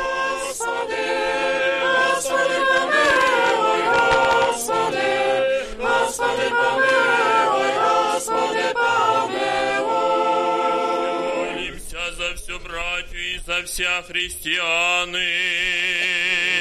Господи, Господи, помилуй, Господи, Господи, помилуй, Господи, помилуй. Услышанный Боже, Спасителю наш, упование всех концев земли, и сущих море далече, и милости в милости буди, владыко грехах наших, и помилуй ны. Милости Бое человеку любит Бог еси, и Тебе славу воссылаем Отцу и Сыну и Святому Духу, ныне и присно и во веки веков.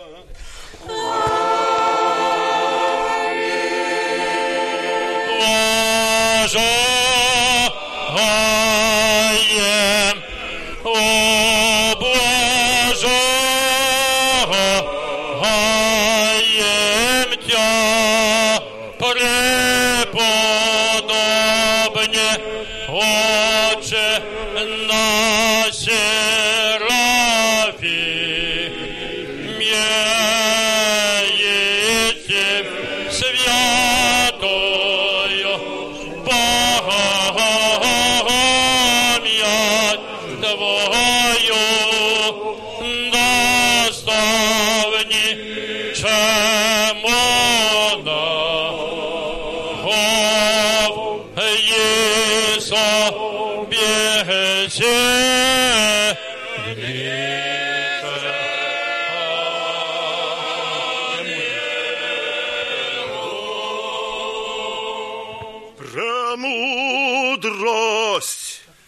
Пресвятая Богородице, спаси нас! Честнейший ты, высокнейший, без сравнения Серафим, без Слова, росший, суши, Богородицу ты величаем. Слава Тебе, Христе Боже! Упование наше! Слава Тебе! Слава Отцу и Сыну и Святому Духу, и ныне, и присно, и во веки веков. Аминь. Господи, помилуй, Господи, помилуй, Господи, помилуй. Высоко преосвященнейший Владыко благослови.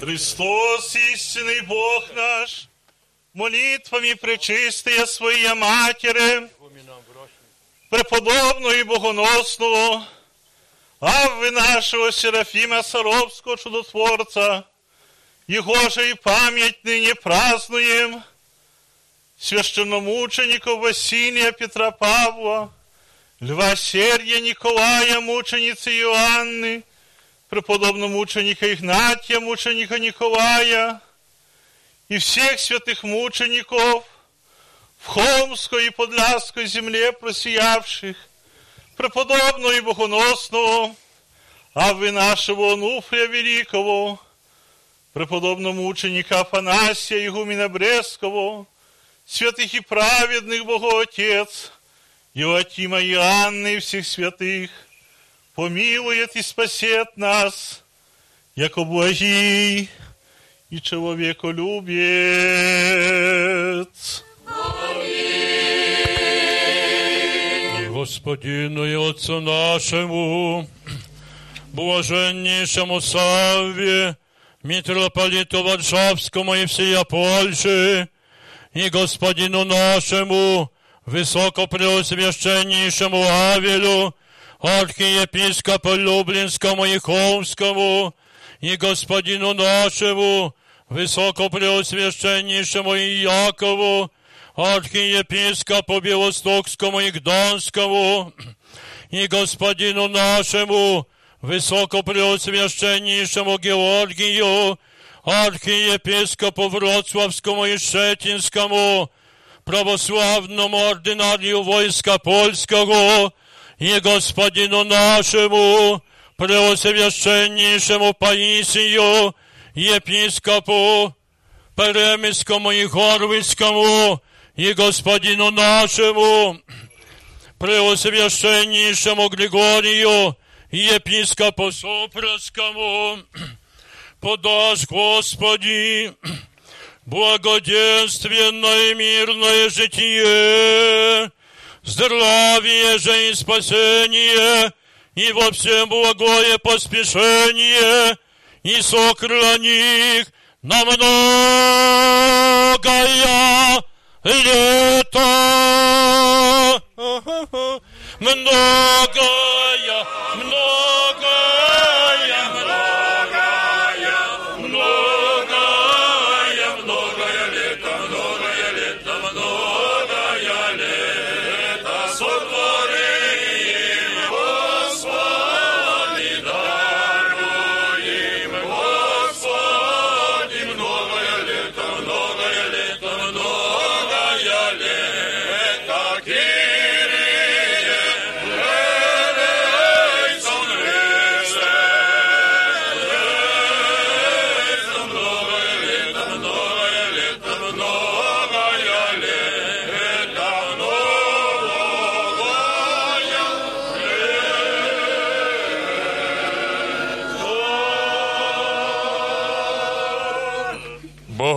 Богохранимей стране нашей, властями воинствуя, подожди, Господи, благоденственное и мирное житие, здравие же и спасение, на врагове супостатов победу, и сохрани их на многое лето.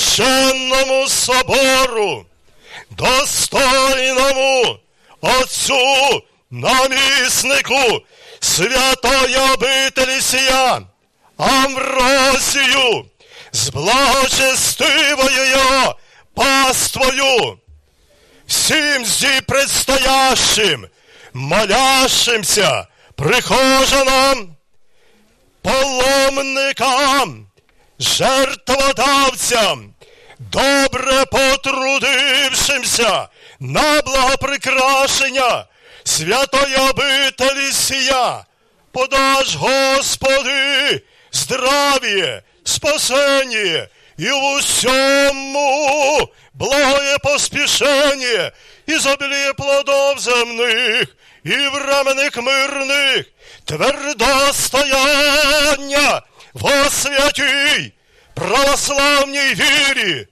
і сохрани їх на многое літа.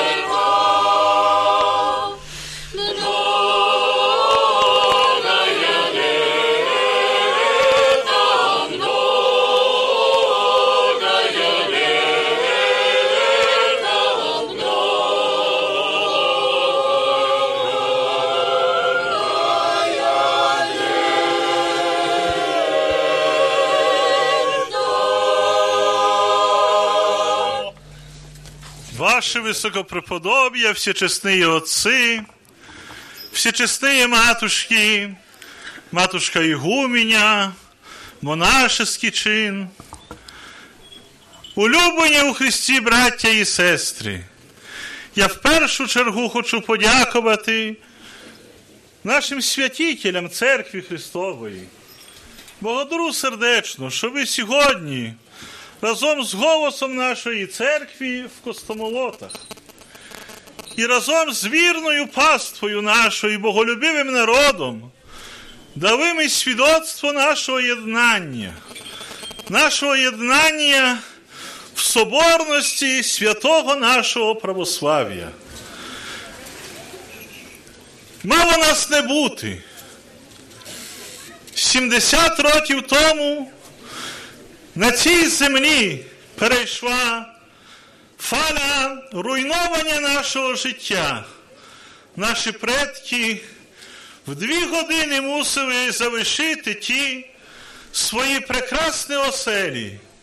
І на південному, ось тут Підляші, і на по цілій Холмщині, і на Лемківщині, і на Підкарпатті цілому. І сьогодні, дивлячись на цю трагедію, який наступає епізод, Дорогі браття і сестри, нас мало не бути, а ми стали присутні в Сядиль.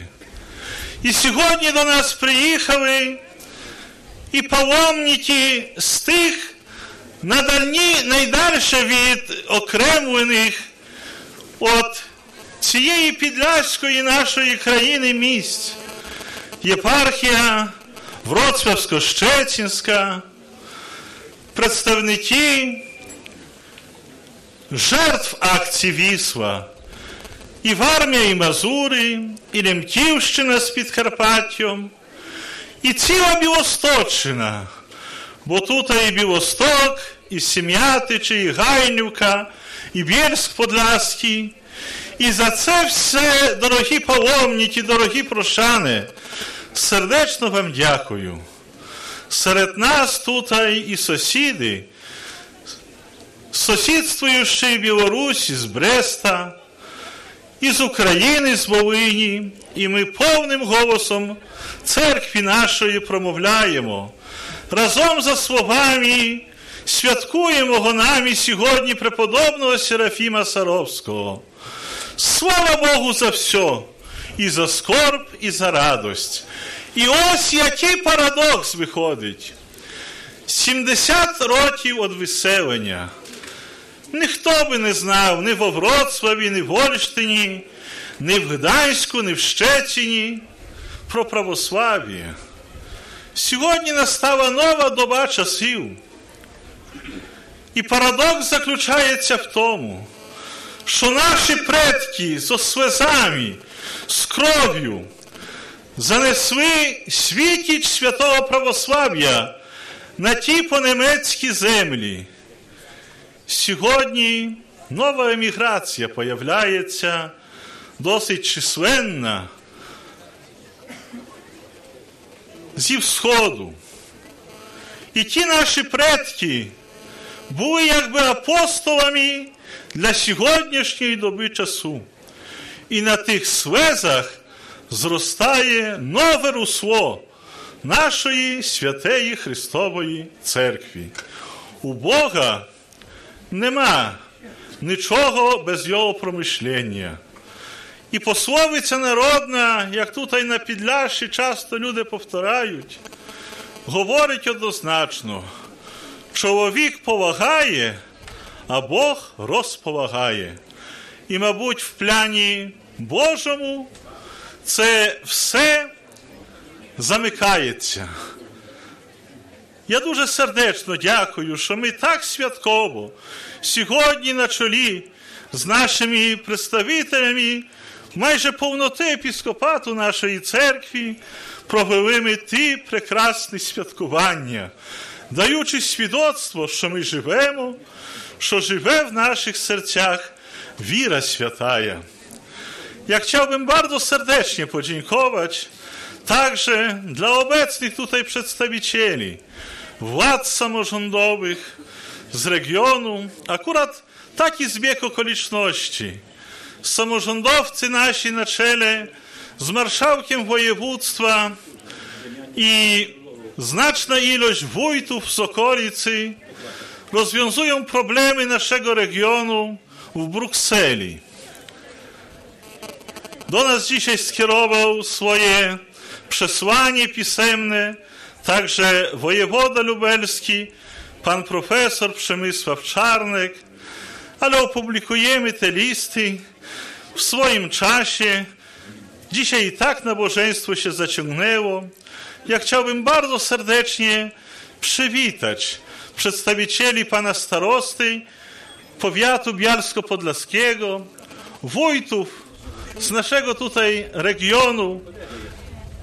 Yy, widzę pana wójta ze Sławaty, czy panią wójt yy, z Hanny, a miejscowemu panu wójtowi, panu Jerzemu Trociowi gratuluję, że dzisiaj my w taki znamienny sposób dajemy świadectwo naszej żywotności. Мне очень приятно, что сегодня с нами молится также представитель Белорусской Республики, господин консул с Белой Подляской. Jest mi niezmiernie miło widzieć i gościć tutaj wielkiego przyjaciela naszej cerkwi prawosławnej, pana wójta gminy Terespol. Dziękujemy panom wójtom za obecność w naszym tutaj gronie.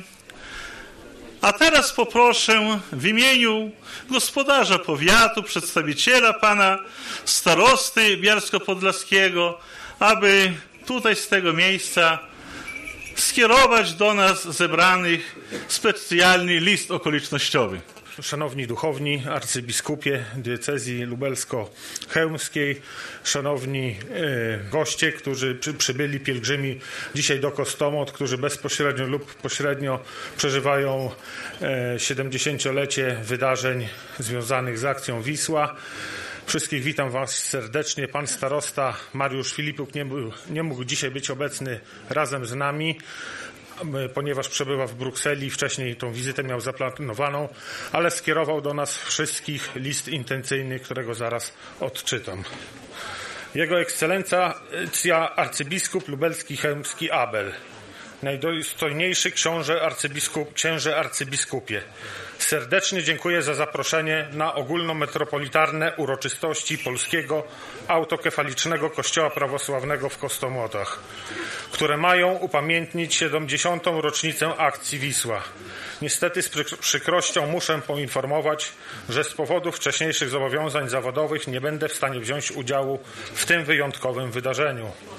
Proszę zatem pozwolić, że tą drogą przekażę swoje wsparcie dla tej pięknej i godnej pochwały inicjatywy.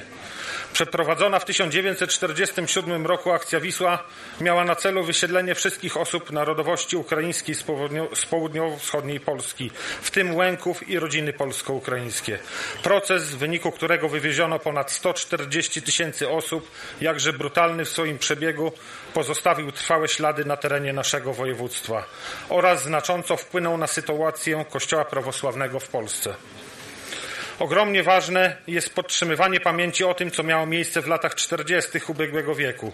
Szczególnie mając na uwadze naszą sympatię do społeczności prawosławnej, którego przedstawiciele stanowią w Polsce liczną grupę społeczną, pragnę również zwrócić uwagę na trwające od lat przyjazne relacje łączące powiat bialski z prawosławną diecezją lubelską chełmską, które oparte są na wzajemnym wsparciu i ogromnej życzliwości, za co serdecznie Jego Ekscelencji dziękuję Proszę przyjąć moje najserdeczniejsze życzenia, długich lat posługi w dobrym zdrowiu, wszelkiej pomyślności i niekończącego się ogromu Bożych łask.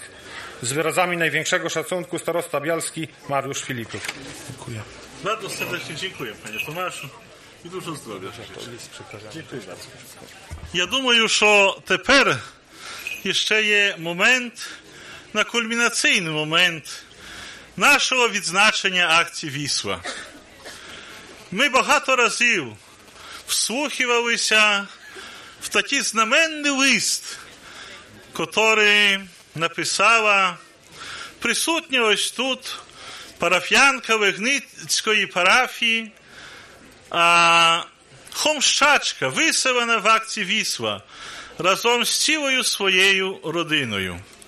Паню Галину і нашого великого благодітеля церкви православної, пана Евгена Чиквіна, сердечно запрошую як представник е, голову фундації князя Константина Острогського, щоб відчитати текст і вручити премію Константина Островського для цієї визначної на сьогоднішній день людини.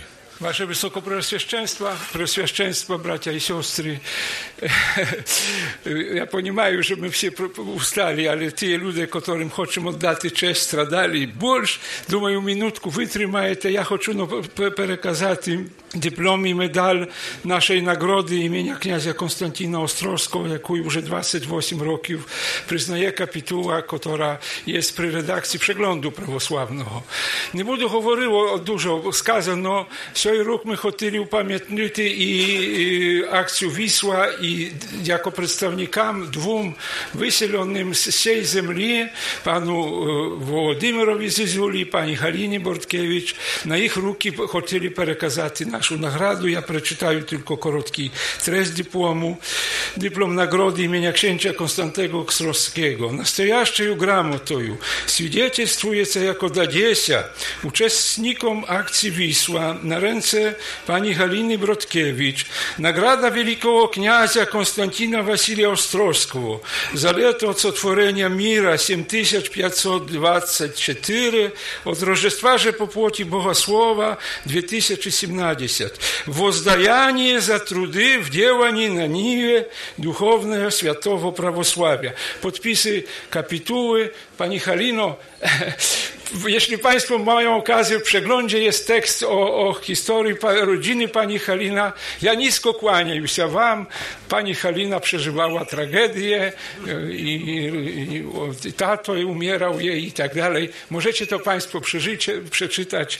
Ja Wam wruczaju, jak wszystkim, strażniczym, który dzięki takim ludziom jak Pani, jak Pan Włodzimir i wszystkich z akcji Wisła, dzisiaj kto tylko chce w Polsce, tam gdzie nie miało nie być prawosławia, może się do niego przyjść, zobaczyć i zobaczyć, że, nie jest, że jest nie tylko piękny, ale i święty. Всього вам, пані Галіно.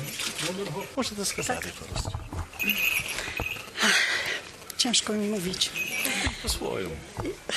Po swojemu, polskim takoż swój. Ja bardzo dziękuję szanownej kapitule za przyznanie mi tej nagrody, jakże cennej dla mnie. I tą nagrodę dedykuję tym wszystkim, którzy odeszli w czasie akcji Wisła, którzy już do nas nigdy nie wrócą, i tym, którzy żyją. I bardzo proszę, przekazujcie Państwo swoim dzieciom, swoim wnukom o tym wszystkim, co tutaj przeżyliśmy. Dziękuję bardzo. Gratuluję. Dziękuję bardzo. Proszę jeszcze przedstawiciela pana marszałka województwa lubelskiego, który też skierował do nas swoje przesłanie.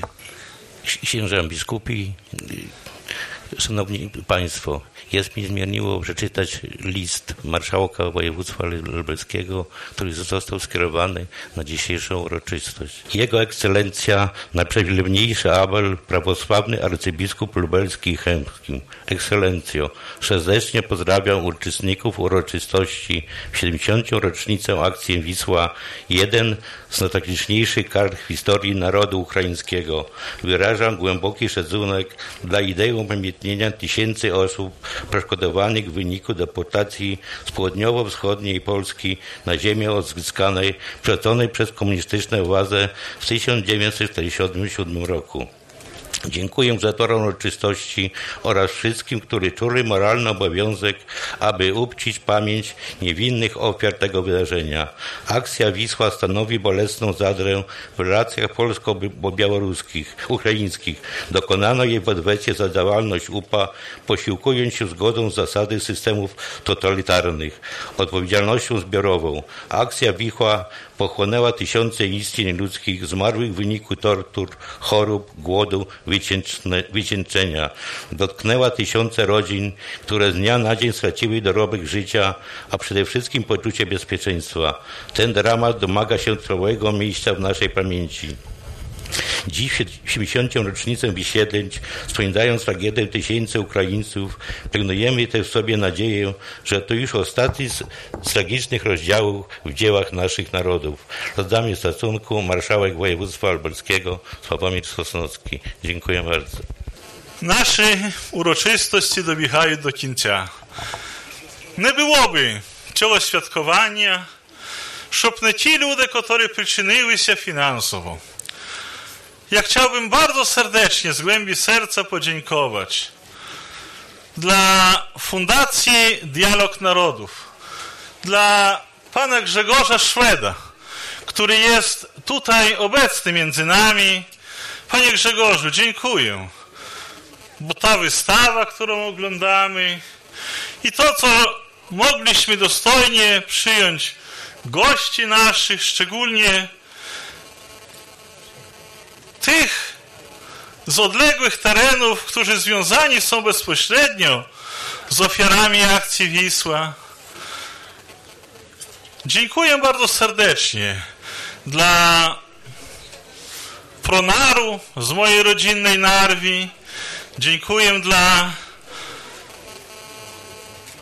pana prezesa Jana Miniuka, który tutaj jest też obecny, z Bielska Podlaskiego, reprezentujący swoją spółkę Maxbud, a także mnóstwo jeszcze osób indywidualnych, którzy ze swojej działalności gospodarczej chcieli wesprzeć tą tak potrzebną dla naszej cerkwi inicjatywę. Dziękuję bardzo serdecznie Wam wszystkim, a niechaj Wasza ofiarność też będzie stukroć odwzajemniona i usakcjonowana w Waszym trudzie czoła, który Wy ofiarowujecie także dla życia naszej świętej Cerkwi Православної. Хотів би сердечно також подякувати для хорів, котрі в сьогоднішній і вчорашній вечір украсили наше богослуження. Дякую сердечно для відлеглої криниці, для пана Петра Трохановського з його лемківським хором. Дякую сердечно для нашого хору Хомщина під управлінням матушки Єлісавети Веремієвич. Дуже сердечно дякую, думаю, від усіх нас тут зібраних. І остатня подяка, а може передостатня, для братства нашої православної молоді, що вона від суботи трудилася, щоб ось тут допомогти отцю Амвросію. Вона трудилася в такому зінтегрованому виданні, щоб це, це свято наше мало такий вимір, який має. Młodzież nasza przygotowała specjalny, okazjonalny egzemplarz swojego kwartalnika, istocznik, który poświęcony jest tragedii Akcja Wisła. Wznowione zostało wydawnictwo tak znamiennej i znanej Księgi Wspomnień Dwie Godziny. Te wydawnicze pozycje można nazwać, nabyć tam w kiosku bractwowym. Młodzież pracowała także i wyznaczyła już sobie perspektywę, że zostanie wydany może z końcem tego bieżącego roku zbiór wspomnień i przedstawicieli z Łemkowszczyzny i tych wszystkich potomków akcji Wisła i którzy doświadczyli tej tragedii, a dzisiaj mieszkają i na Dolnym Śląsku, i na Pomorzu, i na Podkarpaciu, na Łemkowszczyźnie. Ja myślę, że to będzie potrzebne dla nas wszystkich wypracowane to dzieło. Drodzy bracia i siostry, gdyby nie zaangażowanie młodego pokolenia, nie dalibyśmy takiego świadectwa, co dzisiaj widzimy, jak młodzież nasza zaangażowana jest w to świętowanie 70. rocznicy. I za to Wam, droga młodzieży, kieruję serdeczne słowa podziękowania, spasiba z Господи.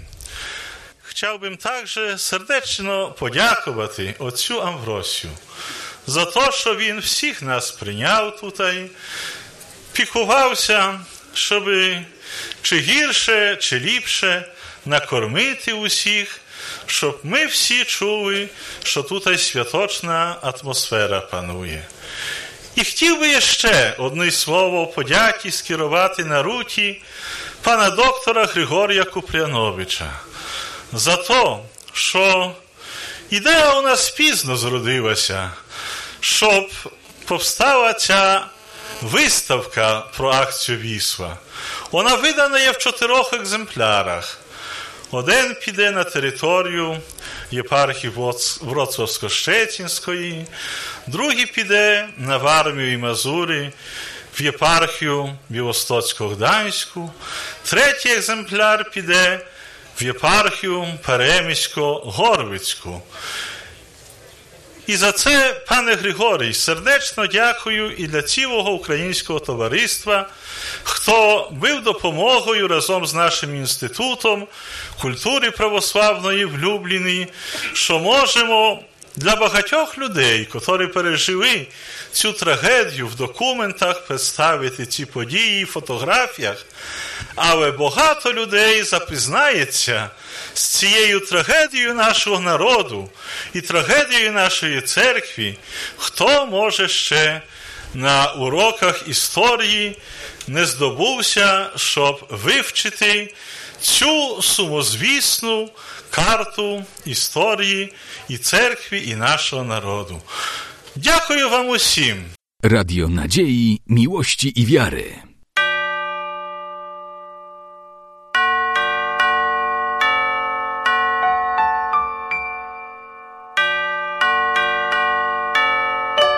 Radio Ortodoksja.